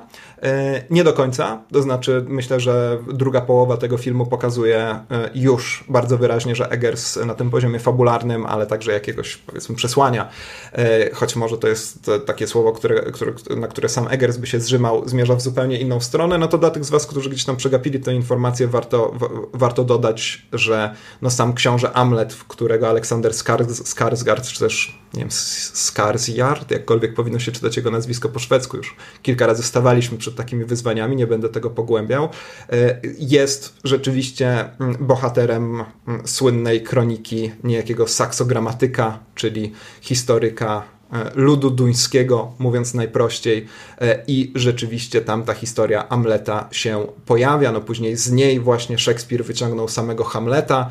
To a propos właśnie takich sprytnych modyfikacji, wystarczy gdzieś tam dodać H, choć pewnie sam Szekspir tego nie zrobił i od razu, od razu przenosimy to też troszkę inną epokę i od razu mamy mm, oryginalną, epokową e, powieść, choć pewnie Szekspir akurat tych ambicji do oryginalności szczególnie nie miał ze szczęściem, być może dla, dla, dla jego ówczesnego ówczesnych i dzisiejszych czytelników, e, ale w każdym razie mm, zatem mamy tu do czynienia nie tyle właśnie z adaptacją Hamleta, czy z adaptacją Króla Lwa, jak chcieliby niektórzy, co raczej właśnie z sięgnięciem po historię jeszcze wcześniejszą. Zresztą ostatnia plansza z runami, która pojawia się w tym filmie. Ona podpisana jest u nas jako Viking, po angielsku jest podpisana jako e, The Northman, tak, jako tytuł tego filmu, podczas gdy naprawdę, mm, jak wiem to oczywiście dzięki mojej doskonałej znajomości run, jest tam napisane właśnie saga księcia Amleta, coś tam, e, coś tam, coś tam, e, coś tam. Swoją drogą ponoć była literówka na tej planszy, no i Eggers, mimo że na świecie jest może 30 czy 40 osób, które tę literówkę by zidentyfikowały, gdzieś tam już w ostatniej chwili tę planszę podmienia. No więc historia jest rzeczywiście niezwykle prosta, chciałoby się powiedzieć wręcz e, prostacka. No myślę, że z wielką korzyścią dla, dla niej samej, ponieważ e, dzięki temu rzeczywiście nacisk położony jest na e, samą mm, podróż bohatera i te wszelkie audiowizualne atrakcje, które wydarzają się wokół niego. Sam film ja osobiście, muszę się przyznać, traktuję trochę jako pastisz. Po prostu. Pastisz też trochę takiej wikingowej opowieści. Powiem szczerze, że mam nawet pewne skojarzenia z psimi pazurami, aczkolwiek na zdecydowanie mniejszym poziomie świadomości głównego bohatera księcia Amleta, tego, że jest trochę pastiszem. Ale tak, no trudno po pierwsze poważnie traktować akcenty tych wszystkich hollywoodzkich gwiazd, e, Nicole Kidman czy Itana Hawke'a, którzy mówią no z jakimś zupełnie to znaczy, zakładam, no, że ci z Was, którzy pamiętają Lighthouse i, mm, i, jak wielką uwagę Eggers przywiązuje do języka, no to e, tutaj pewnie też musimy się domyślać, że to jednak e, odpowiada jakiemuś akcentowi, aczkolwiek z kolei ci tak brzydko powiem, skandynawscy aktorzy, którzy występują obok nich, mówią już zupełnie innym akcentem, więc jest to bardzo dziwaczne, więc jest to taki pierwszy moment, gdzie ja sobie myślę, że to nie jest do końca na poważnie.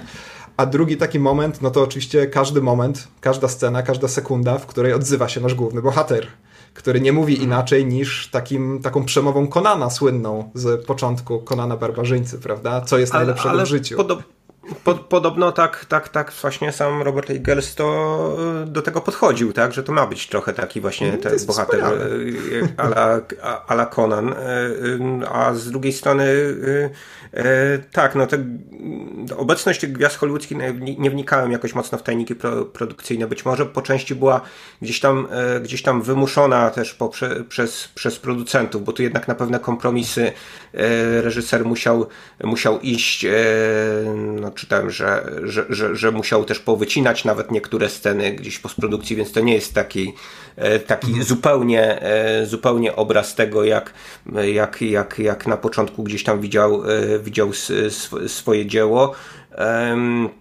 no taki, a taki Ethan Hawke, no wydaje mi się, że e, jeden z największych, być może największych udzielec e, Hollywoodu, no przy, przy, przedziwny wybór, tak, obsadowy, tak, że, że to taki, taki człowiek właśnie ma gdzieś tam, gdzieś tam być tym, tym wikińskim e, królem, ale to właśnie, no tak jak mówisz, to, to wszystko wszystko chyba się dzieje z jakimś, z jakimś właśnie e, przymrużeniem oka. Trudno e, e, rozpatrywać te.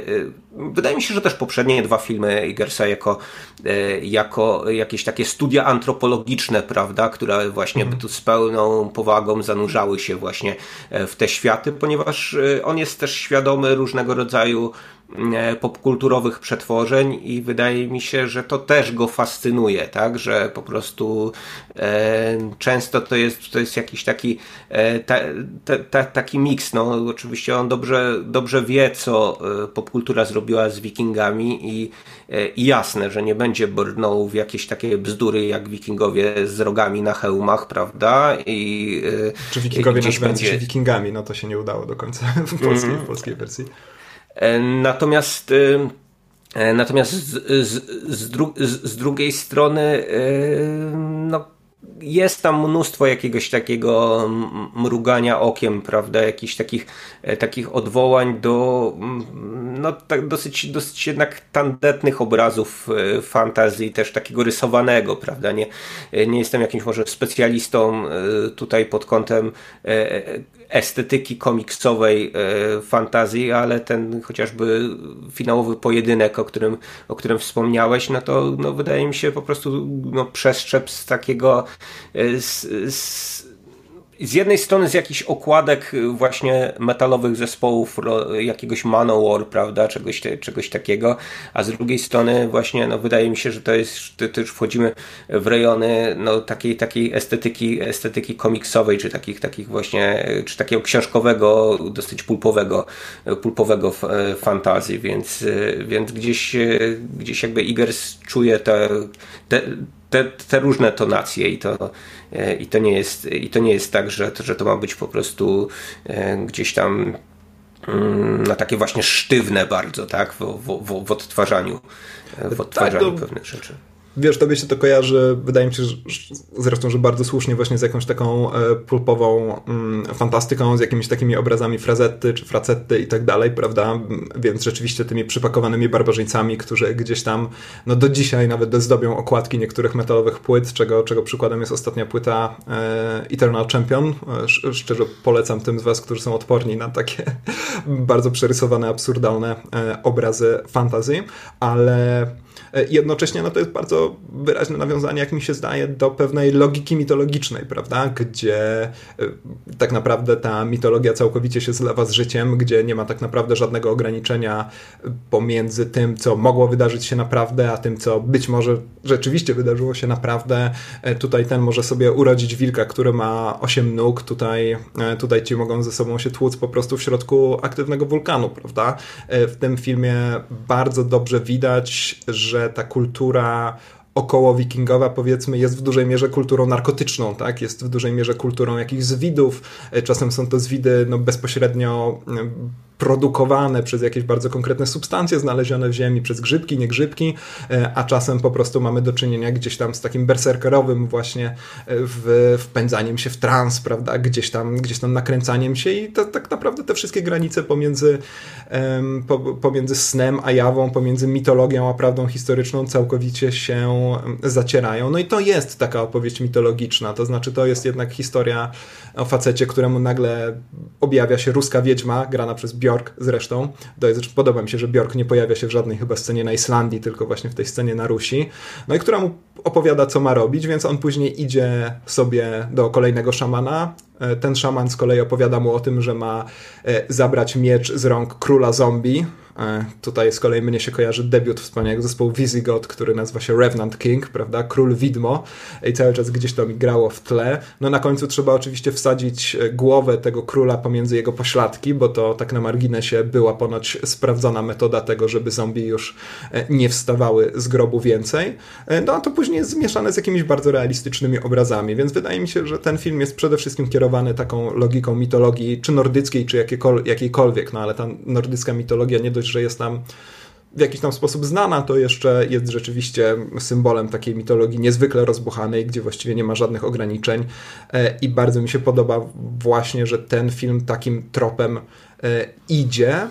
Mm, no i to zresztą też widać e, czasem właśnie no nawet w jakości tych efektów specjalnych, prawda? To znaczy, może nie jakości, może to jest bardziej jakaś świadoma decyzja estetyczna, ale kiedy chociażby oglądamy sobie ten Yggdrasil, tak, to drzewo, na którym kolejni, choć nie wiem, czy to miał być Yggdrasil, bo Yggdrasil to jest chyba jakieś drzewo światów. No, to, nie, nie, to, to, to, to pomieszałeś. Tak, właśnie, to, więc to, no widzisz, no jest to tak szalona, szalona mitologia, że E, że, że, że, gdzieś tam w toku wypowiedzi musi się pomieszać, no więc to też wygląda bardzo dziwacznie, prawda? To nawet nie wygląda jak jakaś taka e, wizja, która mogłaby nam się pojawić gdzieś tam po grzybach czy po jakimś autotransie, tylko po prostu no, wygląda to jak coś wyjętego z komputera, więc bardzo ciekawe są te decyzje estetyczne, ontologiczne właśnie dotyczące tego świata i to mnie naprawdę niezwykle wciąga, a jednocześnie możemy sobie wyobrażać, że to wszystko jest w jakiś sposób, wspominałem o tym właśnie na początku tego odcinka, wizja tego naszego Amleta, który jest po prostu totalnie wkręcony w bicie wikingiem, bycie wikingiem, totalnie wkręcony w to, że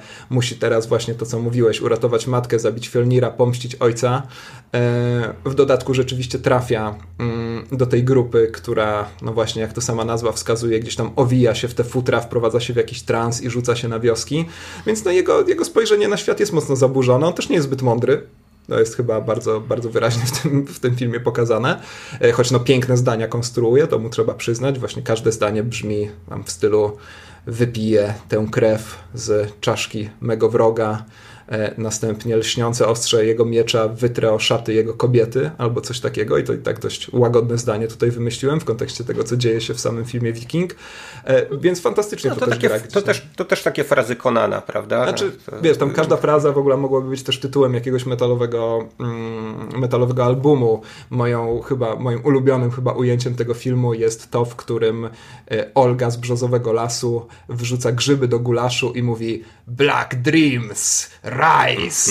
No przecież to jest wspaniałe. Sobie wyobrażam jakiegoś black metalowego piwniczaka, który odpala podwójną stopę w tym momencie i, i jedziemy w jakąś taką szaloną podróż. Cudowne, cudowne to jest, naprawdę. No z tych ponad dwóch godzin wydaje mi się, że można byłoby y, skomponować dziesiątki teledysków, prawda? Tak. No, różnych, różnych, różnych, różnych grup metalowych, ale gdzieś tam wracając do samego Igersa, no to y, wydaje mi się, że y, no to takie kino rytuału, które on uprawia właśnie E, stoi w takiej, takiej bardzo interesującej e, opozycji wobec, wobec większości rzeczy, które, które gdzieś, tam, gdzieś tam robi się e, w Hollywood i okolicach. Co prawda mm, czasem, czasem Igor się zatrzymuje na etapie odtwarzania pewnych, pewnych, pewnych rytuałów. Tu mamy rytuał pogrzebowy, prawda, chociażby. Więc takie, takie, takie rzeczy też moglibyśmy sobie no, wyobrazić, czy nawet być może y, gdzieś tam y, były w serialu Wikingowie. Przyznam, że nie, nie widziałem wszystkich jego sezonów i nie oglądam tego spin-offu, który, który teraz leci, ale pa pamiętam, że no, mhm. był krwawy orzeł chociażby. Tak, no tak, taki, tak. Znaczy, jak... Ten film wygląda trochę tak, jak Wikingowie chcieli wyglądać, ale ponieważ byli popularnym serialem telewizyjnym, to po prostu nie mogli. Pamiętam do dzisiaj, kiedy zapowiadali tego słynnego Krwawego Orła, którego później przecież widzieliśmy w Midsommar e, Ariego Astera, no i zapowiadali to jako najbardziej krwawe wydarzenie w historii telewizji. No a ci z was, którzy pamiętają odcinek z Krwawym Orłem, wiedzą, że tam nie było niczego widać, no bo też nie mogli tego pokazać. No nie, no jednak, jednak trochę gor było, prawda? To znaczy, wydaje mi się, że yy, no, na tyle, na ile pamiętam to zwieńczenie pierwszego sezonu, że no może gdzieś nie, nie, nie, nie, nie, byliśmy w rejonach jakiegoś takiego, takiego absolutnego, absolutnego gor, ale, y, ale jednak, jednak było to dosyć, do, dosyć mocne jak na e, serial History Channel, tak? Chociażby. No, natomiast, tak, w tym kontekście najbardziej. Natomiast no, ja zmierzałem w kierunku takim, że właśnie no, Igersa właśnie interesuje, co poza tym e, rytuałem. To znaczy, e, że nie tylko oglądamy jego przebieg, ale tak, także jego, je, jego skutki. I to jest właśnie też jakaś taka brama do, do tych właśnie doznań osób żyjących w, świata, w, świata, w światach Igersa. Ty wspomniałeś to, to tę scenę mm, pozyskania, pozyskania miecza, tak? Scenę, mhm. scenę z draugiem, czy czy Draugrem. Draugr, tak, no ci z was, którzy grali niektórzy... ciągle najnowszego God of War, to bardzo dobrze kojarzą tę nazwę, tak, więc Dra Draugr. Tak, no tu, tu, tutaj mamy y, też wkroczenie w jakiś taki y, świat równoległy, prawda? Świat hipotetyczny, świat alternatywny. E, trochę mi ta scena też przypominała swoją drogą scenę, e, scenę z Green Knighta, gdzie mamy, prawda, no, tak. E, mhm. jakąś tam alternatywną linię, prawda, tego wszystkiego, jak to się... No, te filmy jak pięknie się, się, się potoczy. w ogóle, mhm. prawda. Tak, i, i David Lowery też wydaje mi się, że, e, że starał się dotknąć e, zarówno przez obraz, przez muzykę, e, przez kostiumy, przez scenografię, taki mistycyzm właśnie średniowiecza. Tutaj, tutaj właśnie Iger stara się dotknąć tego, tego, te, tego mistycyzmu właśnie tych czasów, czasów jeszcze no, no to też w sumie jest wczesne średniowiecze, prawda? Tak, natomiast, y, natomiast tak, no nie takie z naszych zachodnich, zachodnich, zachodnich wyobrażeń e, tego, jak, jak samo średniowiecze wygląda. Chociaż y, to, co ciekawe też jest w tym filmie, e, to dla mnie to, to, to jest to, że tutaj mamy taką epokę pogranicza, prawda? Że Igers wygrywa to, że, że mamy te pogańskie rytuały, że mamy ten cały szamanizm, ale że wkracza chrześcijaństwo, prawda? I pra, tak, prawie nie widzimy tego. Wikingów jest, jest fajnie, fajnie pokazane. Tak. Mhm, Okej. Okay.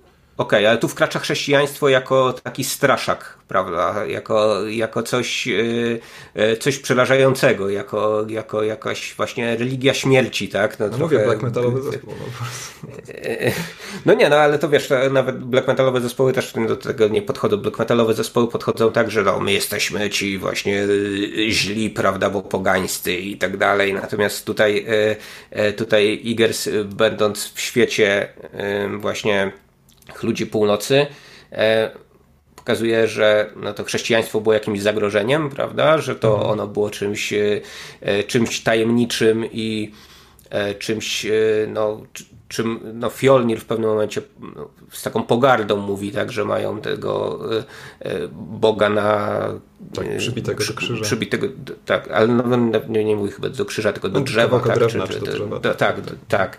No więc, więc z jednej strony z pogardą, ale z jakimś takim lękiem, prawda, tak, no bo to jest też jakiś taki świat, świat nieznany, który, e, no, który jednak zagarnia coraz więcej dla siebie, prawda. E, też czytałem jakieś takie e, rozkminy dalekosiężne o tym właśnie, czy, czy tak naprawdę powinny być te wzmianki, no bo chrystianizacja Rusi to jednak później, prawda, ale no to, to, się wszystko kotłowało, to się mieszało. Ja y, znowu nie jestem y, y, ekspertem z zakresu historii średniowiecza, ale no, trochę sobie właśnie poczytałem o tym, jak, jak, jak bardzo się to gdzieś tam, gdzieś tam, gdzieś tam mieszało. Te różne, różne religie, różne, różne właśnie ekspansję przez te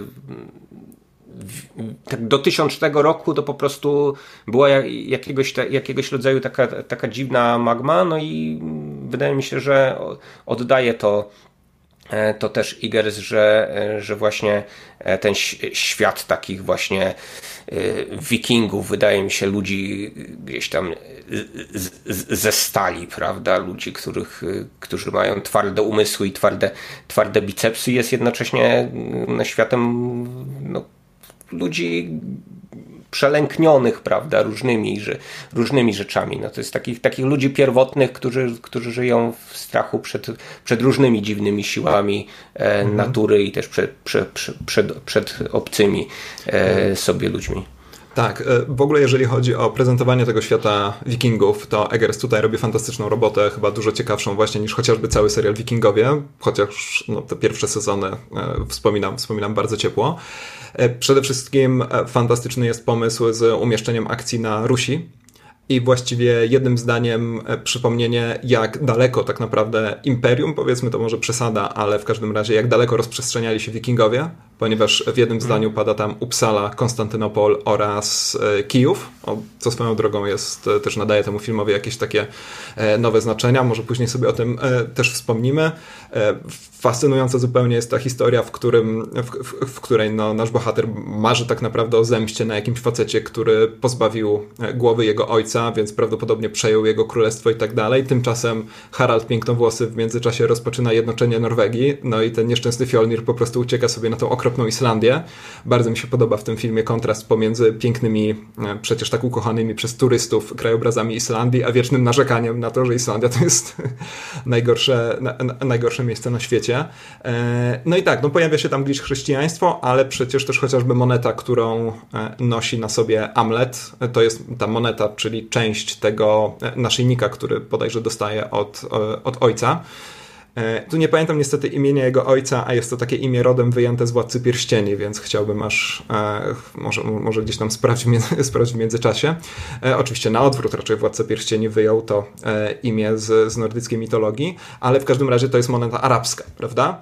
E, więc to fantastycznie pokazuje, e, obala właściwie te wszelkie przekonania właśnie o jakimś takim, już nie mówię o tym, że no, wikingowie gdzieś tam dopłynęli do Ameryki i tak dalej, no bo to nie jest o tym, ale w fantastyczny sposób pokazuje właśnie, jak to wszystko musiało się mieszać, no ponieważ to były tak naprawdę ogromne, ogromne obszary. I cieszę się, że Eggers właśnie, mimo że jestem e, wielkim fanem historii tego Danelandu i ogólnie rzecz biorąc relacji pomiędzy poganami, czy też właśnie ludźmi północy, a ówczesnymi mieszkańcami Anglii, to jednak cieszę się właśnie, że wbrew pierwotnej decyzji zdecydowano się umieścić ten drugi akt na, na Rusi.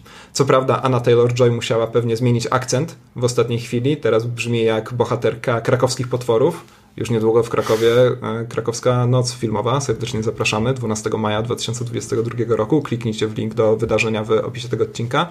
E, I to też przypomina o takich podbojach wikingów, o których no dzisiaj, dzisiaj zupełnie tak naprawdę nie myślimy, prawda? No bo nawet te współczesne seriale, czy wikingowie, czy wybitny film Last Kingdom, czyli po polsku chyba Upadek Królestwa, wybitny film, oczywiście mam na myśli wybitny serial, mój ulubiony serial wszechczasów w ogóle, no to to jest właśnie mm, Norwegia, to są okolice, to jest w końcu Daneland, prawda? A tutaj tymczasem poznajemy jakieś e, zupełnie, zupełnie, zupełnie inne obszary. Jednym zdaniem właśnie wszystko jest uniesione w ogóle no, do, do ogromnego, ogromnego obszaru, więc strasznie mi się to, mhm. strasznie mi się to podoba.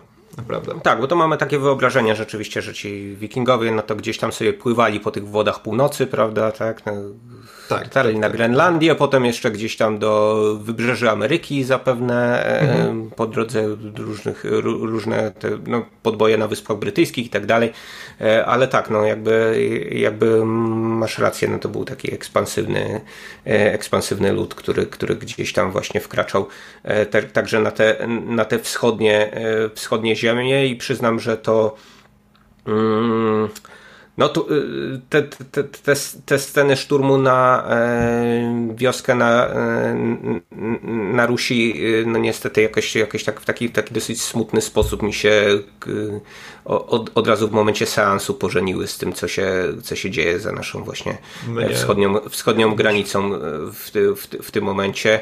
E, I to oczywiście absolutny przypadek, tak, że, że, że, ten, że ten film trafił na ekrany w takim, a nie innym, e, nie innym czasie, e, no ale no, można, można skonstatować, że gdzieś tam się czasy zmieniają, może jakieś, jakieś środki bojowe i tak dalej. No, tak, a grupa maniaków pewne... kierowanych zupełnie absurdalnymi pobudkami jeszcze wpędzając się w jakiś dziki trans, właśnie ciągle chce te ruskie wioski e, zdobywać. To jest e, też duża wartość tego filmu, że on właśnie gdzieś tam wspomina o Kijowie i przypomina po prostu, że to jest najważniejsze miasto Rusi i że Moskwa Moskwą, ale mimo wszystko to Kijów od zawsze, choć to też nie jest jakaś szczególnie starożytna historia, e, był rzeczywiście tym e, centrum życia kulturowego i nie tylko, ale tak, no to skojarzenie jest jak najbardziej naturalne. Mm, ono gdzieś tam, no samo słowo Kijów, prawda, gdzieś tam musicie ugryźć. E, mnie to oczywiście gdzieś tam może nawet troszkę przyjemności z seansu odebrało, ponieważ ja jednak gdzieś tam z fascynacją obserwowałem tego bohatera i ten jego okrutny prymitywizm, a właśnie to, że on jest tak całkowicie zaprzęgnięty właśnie w tę e, dziwaczną mitologię honoru, e, dziwacznie pojmowanej rycerskości, ale w jakiś tam sposób budził moją sympatię, bo w odcinku o psich pazurach chociażby zdradziłem się z tym, że fascynuje mnie ogólnie rzecz biorąc motyw takiej męskiej wściekłości, która, która, którą niezwykle trudno opanować. No ale tak, tutaj skojarzenia właśnie z dzikimi plemionami, które no bez ładu i składu w gruncie rzeczy, a jednak odnosząc sukcesy, rzucają się na przeciwników, następnie zaprzęgając ich w niewolę. E, i tak naprawdę rzucając z jednego kąta świata na drugi, no to tak, to są takie, są takie skojarzenia, niestety. Tak. E, a tak, może no bo, tutaj... bo to jest też jakieś nowa, nowa no właśnie, no właśnie o, to, o, o, tym chciałem powiedzieć, że jakby no nie wszystkie konteksty uruchomione są świadomie, prawda, przez twórców, mhm. tak? E, I to nie jest tak, że gdy wkraczamy tutaj w, w obręb czegoś, co jest, co jest pozafilmowe, bądź nie zostało zaplanowane, to nie znaczy, że nie przydaje samemu dziełu filmowemu jakiejś wartości, prawda? Prawda? I wydaje mi się, że, że to, też się, to, to, to, też się łączy ze spojrzeniem Igersa, że to nie jest, to nie jest tak, że on właśnie podąża za tym bohaterem e, w, w, taki sposób, że on go hołubi, prawda, że on mhm. opowiada o nim jako e, o takiej sprawie słusznej, tak, że, że ta jego misja jest, jest, jest, jest misją właściwą. To znaczy, wydaje mi się, że ten, ten, ten film E, no jednak, jednak pokazuje taką toksyczność, prawda, krótko mówiąc, y, e, całej tej kultury, prawda, tej całej tej takiej męskiej kultury, bo w pewnym momencie y, książę Hamlet dokonuje ostatecznego wyboru, tak, który został mu przewidziany, a e, w zasadzie e, on tego wyboru nie dokonuje, bo jakby trzyma się tych ustaleń, które, które gdzieś tam mu szamani sprzedali, prawda, że jego losem, jego przeznaczeniem jest coś tam. I, i w ten sposób no, tak naprawdę on idzie ślepo za za tą kulturą, jak wspomniałem, toksyczną, która go jakoś tam ukształtowała, tak? To znaczy on ma, on ma szansę na, mm, na odwrócenie tego wszystkiego. Wydaje mi się, że jego zemsta w taki czy inny sposób się dokonała, prawda? Fioldi już jest gdzieś tam wystarczająco upokorzony, e, zdeptany. E, matka jest nie do uratowania, bo no. wiadomo co tam się dzieje, prawda? Znaczy nie chce być uratowana. Natomiast no i on by mógł, mógł pójść y, swoją drogą, to znaczy mógłby pójść y, drogą y, gdzieś tam rozwijającej się cywilizacji, być może właśnie założyć jakieś, jakieś nowe królestwo, te swoje do, do, doświadczenia gdzieś tam sprzedać. Ma, ma tych swoich druchów, prawda, na orkadach, tak, gdzieś tam. No, mógłby iść w tę stronę, ale, ale nie. No i, i nie wiem, czy to też nie jest jakiś taki e, komentarz e, zamierzony bądź nie Igersa o tym, że właśnie pewne kultury muszą umrzeć, muszą upaść, bo nie są w stanie spojrzeć e, dalej, prawda? Nie tak, są nie, zdolne do dalekowzroczności, tak? tak tylko tylko trzy, mhm. trzy, trzymają się, trzymają się no, tych, tych, tych gdzieś nakazów, które, które, które były, by, były zawsze obecne. I z tego jest perspektywy ta kultura wikińska jest właśnie taką kulturą, kulturą pierwotną, taką kulturą właśnie e, szamańską, która no, musiała obumrzeć wobec, e, wobec chrześcijaństwa, które było ekspansywne, ale myślało też E, myślała o tym też, jak właśnie zagarniać ziemię, zagarniać umysły, zagarniać ludzi, prawda? Nie y, koniecznie pętając ich w niewolę, to znaczy możemy o tym dyskutować, czy to nie była jakaś niewola no, religijna, no, umysłowa z dzisiejszej perspektywy,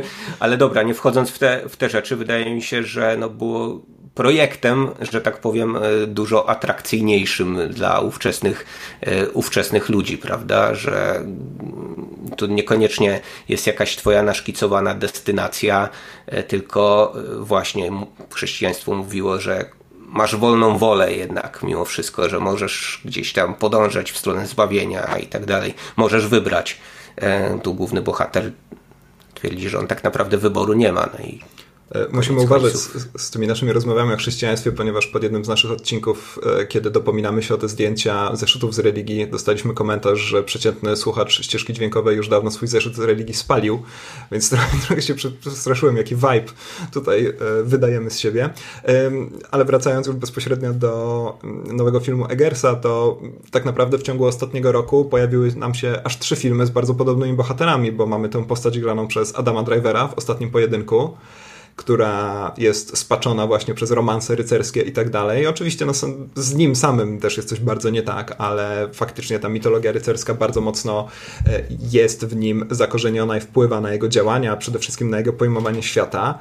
Jest e, bohater Benedykta Cumberbatcha w Psich Pazurach, przy okazji którego właśnie ukuliśmy termin kowbojowanie, ponieważ on na siłę tak bardzo chce być tym kowbojem, tak strasznie chce być tym kowbojem, że e, tak naprawdę zagłusza w sobie jakiekolwiek inne pędy, popędy, potrzeby i możliwość innego spojrzenia na świat. No i w końcu mamy tego Amleta, który tak naprawdę no, od dzieciństwa właśnie, no co ma, wiesz, jak ma, jak ma patrzeć na e, świat chłopiec, którego ojciec zabiera na jakiś psychodeliczny rytuał, gdzie udają psy, E, i krzyczy do niego, że masz mnie pomścić za wszelką, za, za wszelką cenę, prawda? E, I, I, tak naprawdę w jaki sposób ma wyglądać jego perspektywa, jak ona ma nabrać jakiegoś dystansu, jak ma pojawić się tam jaka, jakakolwiek zdrowa relacja, więc mamy takich trzech no. bohaterów, którzy jakby się spotkali w jednym filmie, to, o, to, to, nie wiem, co by się, nie wiem, co by się działo po prostu. No co, Testosteron co więcej... by zalał widzów po prostu. Co więcej, Amlet dokonuje takiego rodzaju regresu właśnie w zwierzę, prawda? No, on jest tam niedźwiedziowilkiem, prawda? W pewnym momencie, tak? No, dostaje tak, to... Bjorn Ulfen.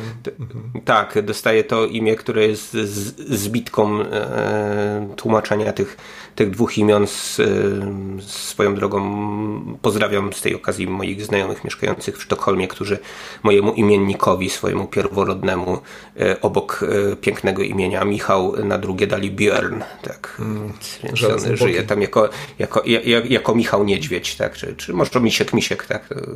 tak. Właśnie, dokładnie, dokładnie tak. Do, do, do, do, do, do, do, do, do pewnego stopnia. E, E, tak czy owak, e, tak czy owak pozdrawiam. E, no, wydaje mi się, że to, to, to, co, to, co, to, co wcześniej powiedziałem, to znaczy gdzieś to jest koniec końców film o tym, że ta kultura pierwotna na granicy, która, która gdzieś tam łączność też taką animalistyczną właśnie ze, ze światem zwierząt bardzo mocno celebrowała E, że ona, e, ona umiera, tak? Ona w tym punkcie e, zaczyna właśnie gdzieś tam tracić swoją przewagę. Na Zjadać rzecz... własny ogon, żeby w tych animalistycznych metaforach pozostać. tak, tak, dokładnie, dokładnie w ten sposób. Tak, no więc ciekawa jest też ewolucja, która odbywa się w samym Amlecie, a może dewolucja, którą widzimy przez jego włosy, bo poznajemy go jako chłopca E, z, ty, z, tymi takimi smutno zapuszczonymi włosami na Beatlesa. E, później, kiedy jest w szczycie swojej wikingowej postaci, to faktycznie ma te niesamowicie długie, efektowne loki. A później, kiedy no, rozpoczyna się tak naprawdę kolejny akt jego podróży, kiedy tak naprawdę wszystkie te instynkty doprowadzą go w końcu do, do mhm. zakłady, choć on pewnie tego tak nie odbiera w końcu w swojej wizji, w każdym razie do Walholu koniec końców trafił, ale no to znowu robi sobie tradycyjną słowiańską fryzurę od garnka I znowu jest niczym ten mały chłopiec, i on w ogóle to jest też fenomenalny Skarsgård. To znaczy, ja nigdy nie widziałem, żeby on w jakimkolwiek filmie, nawet w Tarzanie, był tak ogromny. Po prostu, no to nie jest może Schwarzenegger Conan level, ale niewiele brakuje. Tam jest taka scena po prostu, jak on siedzi w którymś z tych gorących źródeł i ten mięśnie, kaptura po prostu mu wystają, no to jest wielkości tego wulkanu niemalże. On wygląda fenomenalnie, zwłaszcza, że cały czas chodzi zgarbiony z tą śmieszną fryzurką i on tak naprawdę nie wygląda jak poważny no, tak, tak naprawdę nie wygląda jak Conan w tym sensie, że nie ma tej szlachetności, prawda? On jest jednak bardzo wyraźnie złamanym człowiekiem, zniszczonym człowiekiem i trudno się po nim spodziewać po tych wszystkich przeżyciach, po tym wszystkim, co zostało mu wstrzyknięte, kiedy był jeszcze szczenięciem, nawet nie dziecięciem. E, przecież to słowo szczenie tam też bardzo często pada, prawda? Szczenie powróciło jako wilk i tak dalej, i tak dalej. No trudno, trudno spodziewać się dla niego czegokolwiek innego niż, niż zagłady. Tu szacunek to oczywiście dla wszystkich ludzi obciętych od garnka, ale no sama jego prezencja ekranowa właśnie od razu niejako no, mówi wszystko o nim. Fenomenalnie jest zrobiony Skarsgård, tutaj fenomenalnie też gra. E, mówi z akcentem, jakby się dopiero zaczął uczyć angielskiego, prawda, bo jedyny w sumie Skandynaw w tej głównej obsadzie, bo, bo Szwed, prawda, ale, ale, ale naprawdę samo wymyślenie tej postaci na poziomie wizualnym to jest, to jest cudowna sprawa. No i ta jego ewolucja fryzurowa to jest taki sympatyczny dodatek. Wydaje mi się, że to też dużo mówi o tym, co z księciem Amletem się wydarza przez te 2,5 godziny. E, znaczy, e, może sprostuję, to znaczy nie wiem, czy Danię zaliczasz do Skandynawii, no ale Klas Bank grający Fjolnira jest duńskim aktorem, prawda, więc... E, Rzeczywiście, tak, no widzisz, ja go kojarzę głównie z roli Drakuli ostatnio chyba, w tym... No, on jednak u, u Rubena... Nie, nie wiedziałem. Rubena Oslunda przede wszystkim. Ja, ja, nie wiem, ja jakoś go tak, tak. Go nie, przyznam, że jak go oglądałem, to go nie kojarzę, a też nazwisko jakoś szczególnie dużo mi nie mówiło.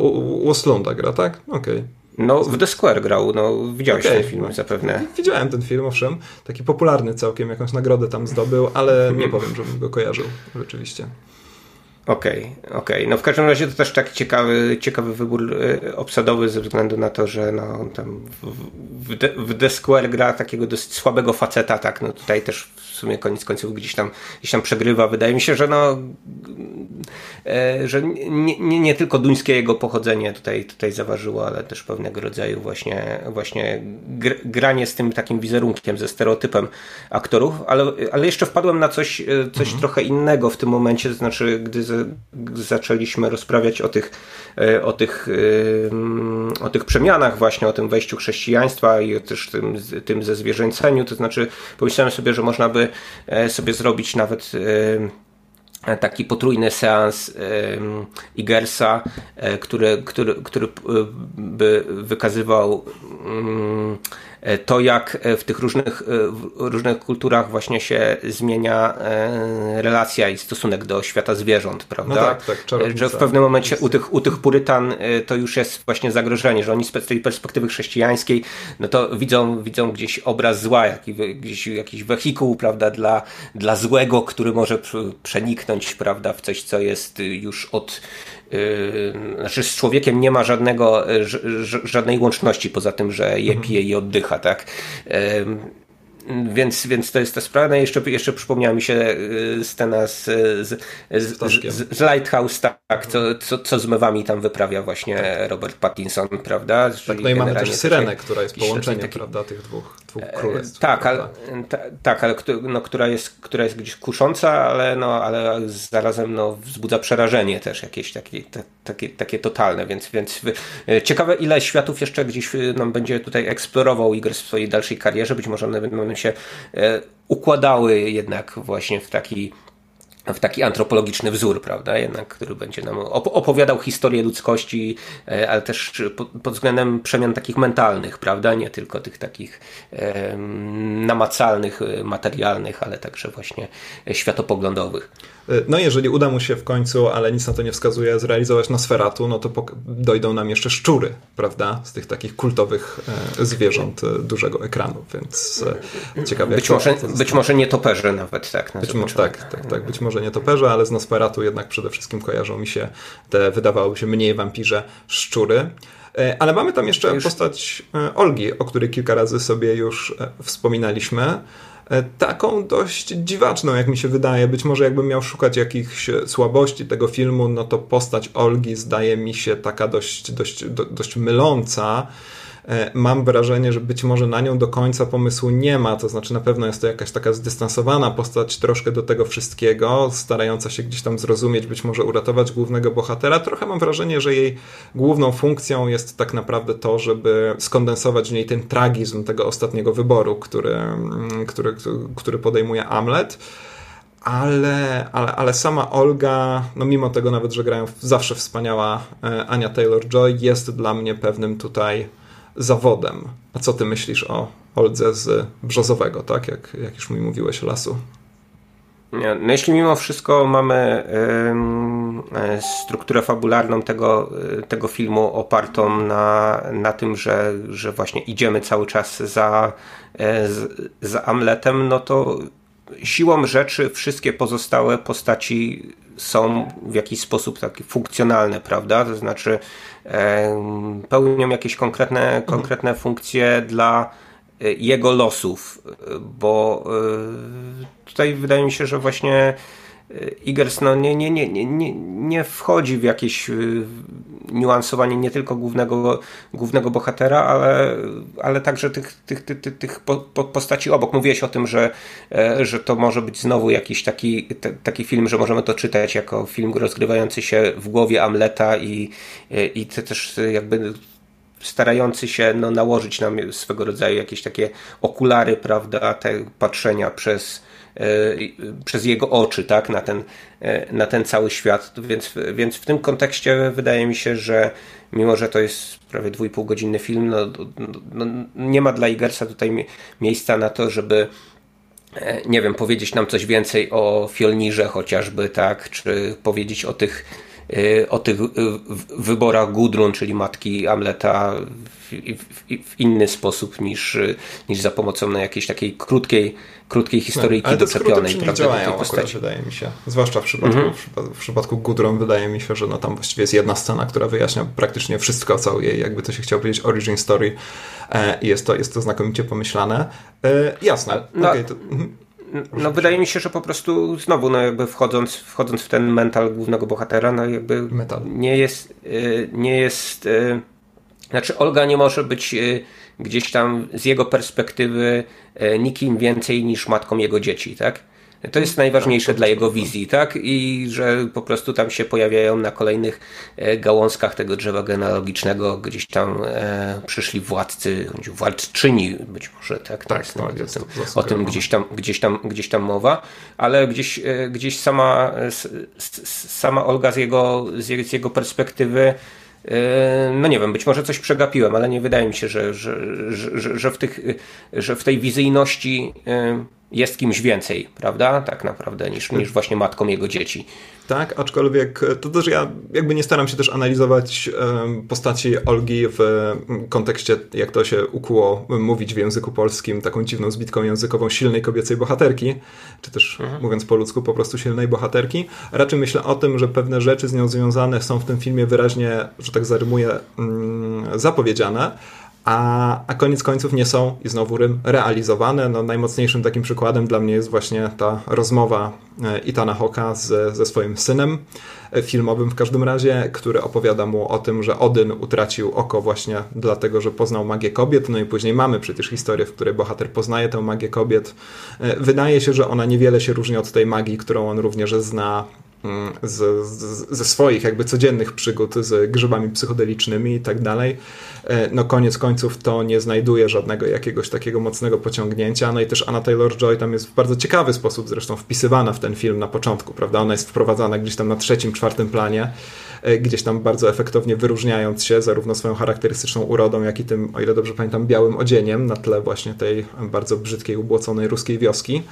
E, no, koniec końców jest rzeczywiście tylko i wyłącznie takim, takim dodatkiem. I tak jak fabularnie to jak najbardziej działa i rzeczywiście, tak jak słusznie zauważyłeś, spełnia swoje, ta bohaterka bardzo konkretne funkcje, to jednak trochę ten film obiecuje rzeczy, w związku z nią, których później nie, nie spełnia. Więc może stąd jest jakieś takie moje, no właśnie, niespełnienie no tak, ale też wolę więcej Annie Taylor-Joy w filmach niż mniej, prawda? To jest. No jasne, jasne. Natomiast no, jednak, jednak, jednak y, tytuł tego filmu to The Northman, prawda? I to, to, A nie Northwoman, prawda? protagonista. Natomiast y, wydaje mi się, że te postaci kobiece to jest właśnie e, obok tego szerokiego właśnie gdzieś tam świata chrześcijańskiego, prawda, który pożera ten pierwotny, no to y, te postaci kobiece też zaczynają pożerać męskie. Tam e, właśnie Olga mówi w pewnym momencie, że on łamie kręgosłupy, ale ona łamie umysły, prawda? Tak, więc, tak. w, więc wydaje się, że ona cywilizacyjnie też jest gdzieś tam po prostu e, dalej. I to starcie Amleta mhm. z, e, tak, z, ze swoją matką, on też przegrywa tak naprawdę. Nie? Mhm, przegrywa to emocjonalnie, przegrywa to psychicznie. No, przyszedł z, z jakimś tam wyobrażeniem i to wyobrażenie no, nie zostało, nie zostało spełnione, tak?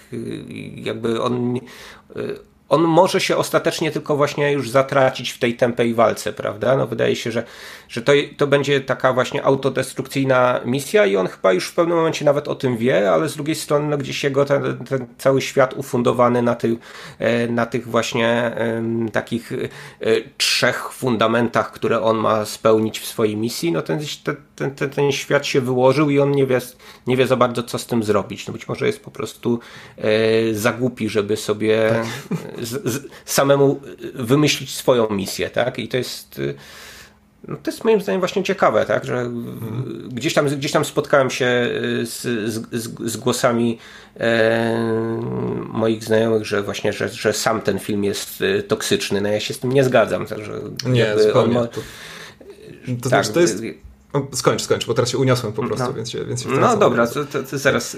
Nie, bo dla zaraz dla mnie to, co, to, co wspaniale się udało w tym filmie, to to, że on właśnie z jednej strony opowiada absolutnie fascynującą historię z pogranicza średniowiecza i fantazji.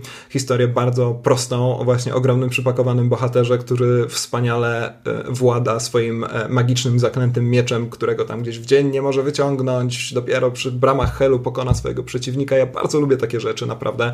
Lubię, kiedy to wszystko jest właśnie potraktowane w taki e, niemal albo bezpośrednio pastiszowy sposób, kiedy wszystko jest po prostu przegięte.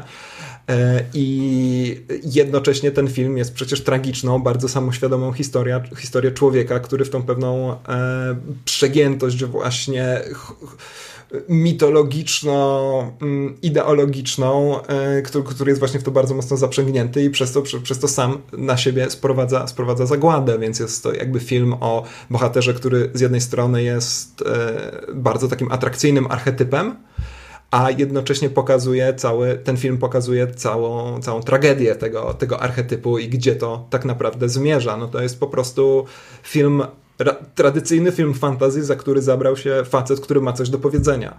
Po prostu. I tak, to mi się. Tak, no. To jest dla mnie największa siła tego filmu. I nie, nie jest absolutnie toksyczny, ponieważ ten bohater nie jest w żaden sposób uwznieślony. No nawet jeżeli on w ostatnim ujęciu rzeczywiście unosi się do Walhali, to po tych dwóch i pół godzinie możemy stwierdzić, że to jemu się wydaje, że się unosi do Walhali, a tak naprawdę my musimy się martwić o tą biedną kobietę w ciąży, która najprawdopodobniej w ogóle nawet tej ciąży nie przeżyje, jeżeli będzie musiała rodzić te dzieci gdzieś tam na jakichś właśnie nieprzyjaznych wyspach i tak dalej. I, i to jest właśnie cudowny geniusz tego filmu. Daje mi wszystko to, czego czasem po prostu potrzebuję od kina, a jednocześnie czuję, że obcuję, ale mi się rymuje, z dziełem człowieka, który doskonale wie, że mm, sztuka jako taka powinna jednak oferować trochę więcej. Więc to, no, tak, oburzyłem się na ten zarzut toksyczności Wikinga, tak jak wspomniałem, więc, więc wylewam swoje no, mamy, z kolei. Mamy to wyjaśnione, tutaj nie, nie dorzucę nic więcej, poza tym, że no, to właśnie nie, nie, nie, nie jest film, który mówi dobrze jest być wikingiem, prawda? No, nie no, wręcz nie, nie, nie, nie, nie, są, nie są to piraci z Karaibów, tak? Że hej, przygodo, prawda? Tak, Fajnie tak, jest tak. ruszyć na łupieżcą wyprawę gdzieś tam. Nie no, on, no, on jest podobnie jak w ostatnim pojedynku, rozmawialiśmy sobie o tym wątku, który jest, e, no nie jest głównym tematem ostatniego pojedynku, więc o nim też się za dużo nie dyskutuje, ale właśnie o tym codzienności codziennym życiu, codziennym znoju rycerza, prawda, który nawet nie jest rycerzem, jest jeszcze giermkiem, jak się okazuje, mimo że już tak. E, osiągnął słuszny wiek i że to tak naprawdę nie są tylko efektowne bitwy z Anglikami czy z kimkolwiek, ale, ale jeszcze bardzo dużo takiej codziennego naprawdę uwalania się po łokcie. No i tu tak samo jest. Trzeba klęk klękać po kasę, tak, do Tak, trzeba, trzeba dosłownie po prostu klękać po, po pieniądze. No tak samo tutaj ta nieszczęsna Islandia po prostu, ten Fjolnir, który no, któremu jest chyba dobrze w takim życiu, ale nic dziwnego, że facet wychowany tak jak, tak jak Amlet właśnie traktuje go, traktuje go z pewną pogardą. Nie ma to nic no, wspólnego właśnie no, sami, pot, sami potomkowie Fjolnira też ci, którzy tak, przy, przy nim są na Islandii, przecież tak, go te, te, tak, też, go, tak, też tak. go traktują Oni też czytają sagi, właśnie... prawda? Hmm, dokładnie. I też sobie wyobrażają, że mm, czeka ich coś więcej. To jest o tyle symboliczne, że sam Torin, czy jak on, jakkolwiek on ma na imię, po prostu ginie we śnie, prawda, zaszlachtowany przez, przez Amleta i nie ma w tym absolutnie e, żadnego... I nie pójdzie do Walhalli. I nie pójdzie do Walhalli, bo miecza nie obnażył, prawda, więc e, rzeczywiście jest to, jest to jakiś taki kolejny, kolejny dramat e, tej postaci. Więc tutaj znowu mamy po prostu pokazanie, że życie wikinga absolutnie nie jest życiem do pozazdroszczenia, że to właśnie te wyjazdy na wiking tak naprawdę no, zdarzały się od czasu do czasu, ale bez przesady e, a jednocześnie w całą tą takie trzeźwe spojrzenie udaje się wpisać fascynującą historię e, i taką no właśnie gdzieś tam chwytającą za gardło, po prostu wciągającą do samego środka, gdzieś tam i, i mnie w każdym razie bardzo pozytywnie przemielającą, więc e, nawet z tych trzech filmów na temat właśnie Psie Pazury, Ostatni Pojedynek i Wiking na temat właśnie pewnego ugrzęźnięcia w jakiejś szkodliwej ideologii, to i mitologii przede wszystkim, no to ten film jest pewnie, pewnie najlepszy po prostu z tej trylogii nieoficjalnej, którą właśnie stworzyłem. Ja bym, ja bym tu dopisał Batmana jeszcze, jak tak mi się to jakoś skojarzyło, mm -hmm. że ten bohater y, ostatniego Batmana, y, grany przez Roberta Pattinsona, też gdzieś właśnie wybiera tę swoją drogę zemsty, prawda? Że mimo, że on. Tak, dokładnie. Jestem zemstą, jestem zemstą. Przepraszam, e... przepraszam, kim pan jest? Zemstą. Kim... No, zemstą. E, dla, ciebie, dla ciebie panem zemstą. Dla ciebie, dla ciebie panem zemstą. E, no, o, o, oprócz tego, że on gdzieś tam wy, wy, wyciąga dłoń ku, ku ludziom Gotham, no to yy, koniec końców yy, no też, yy, też odrzuca kobietę, która mu proponowała trochę inne życie, prawda? Też jakby nie jest w stanie do końca ściągnąć tej maski, prawda? Zbyć makijażu i tak dalej i, i być trochę, trochę, trochę kimś innym, ale też myśl, myślałem o Batmanie w kontekście mhm. Wikinga, bo wydaje mi się, że to już drugi film w tym roku, w którym równie pięknie e, te sceny w, w mroku, tak sobie zrymuję, mhm. wyglądają, tak, że po prostu te efekty e, oświetleniowe, jakiś taki znaczy, może Viking nie jest aż tak monochromatyczny jak, jak Batman, natomiast, no natomiast wciąż y, po prostu te nocne sceny, w których y, tylko jest jakiś tam blask pochodni, czy,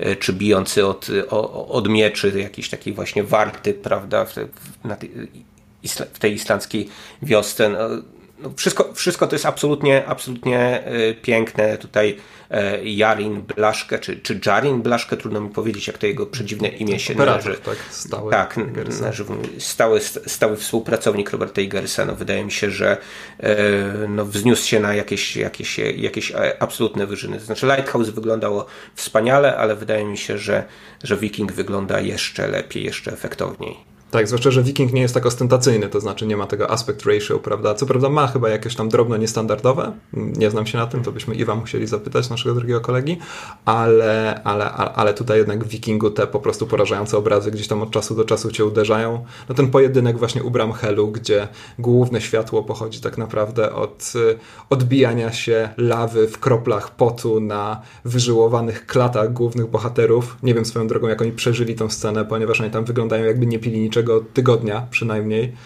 E, no ale no, tak, jest to Wydaje mi się, że tam jakby gdzieś toksyczne opary z wulkanu by ich załatwiły szybciej niż ich własne, własne miecze, tak.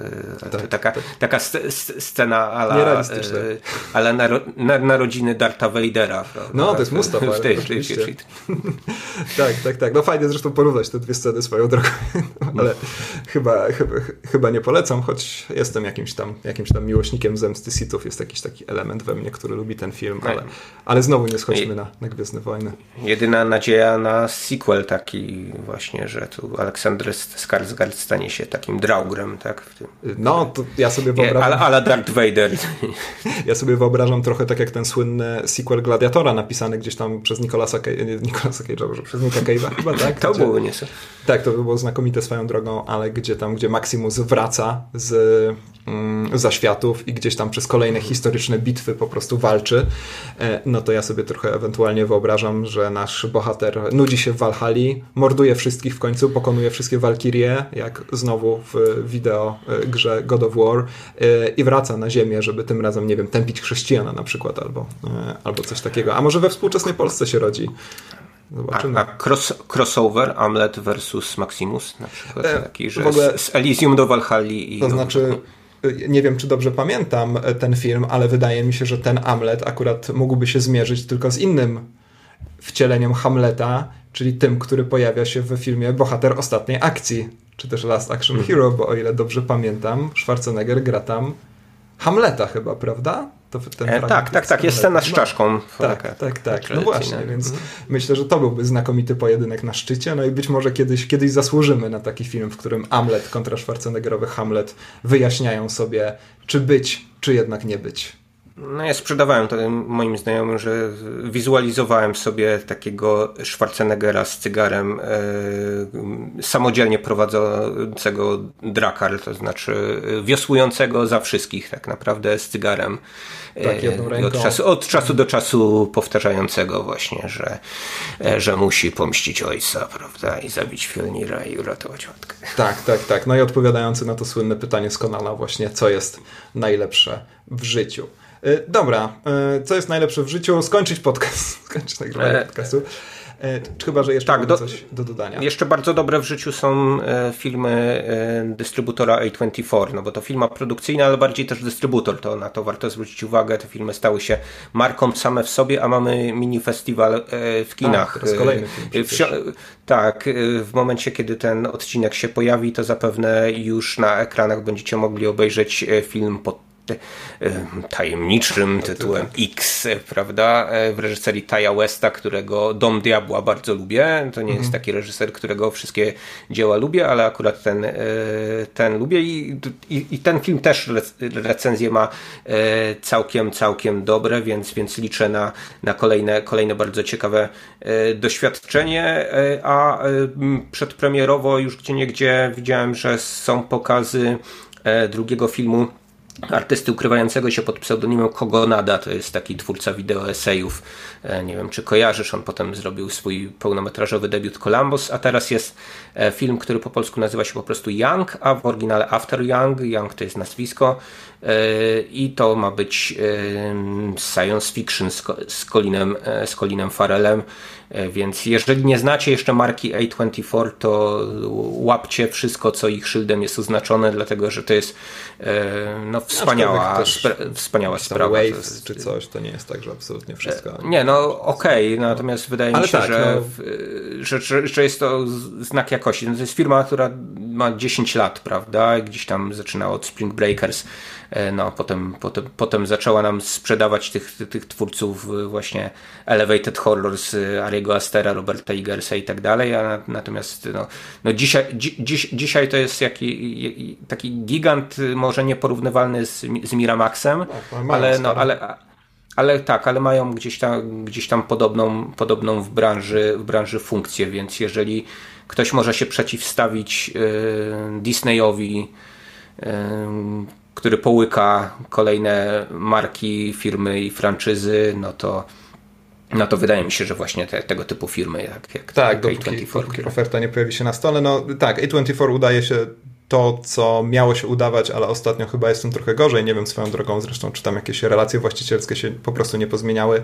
E, Anapurna e, Interactive, mhm. prawda? To jest taka wytwórnia, która w ogóle powstała tylko i wyłącznie z misji, bo przecież jest to po prostu firma założona przez e, córkę bardzo bogatego człowieka, która postanowiła te fundusze, które, które otrzymuje, zresztą ona sama prawdopodobnie też po prostu jest na tyle ogarnięta, że te fundusze zdobywa bez pomocy ojca, e, przeznaczyć po prostu na promocję ambitnego kina. No, za Anapurną stoi taka piękna, szlachetna historia, to chyba właśnie koniec końców już dzisiaj tak mocno nie funkcjonuje. E, swoją drogą mówisz o tym Disneyu, no teraz będziemy mieli piękny pojedynek e, A24 kontra Disney, ponieważ my, my sobie tutaj rozmawialiśmy najpierw o filmie na temat multiversów, a później o filmie o Wikingach.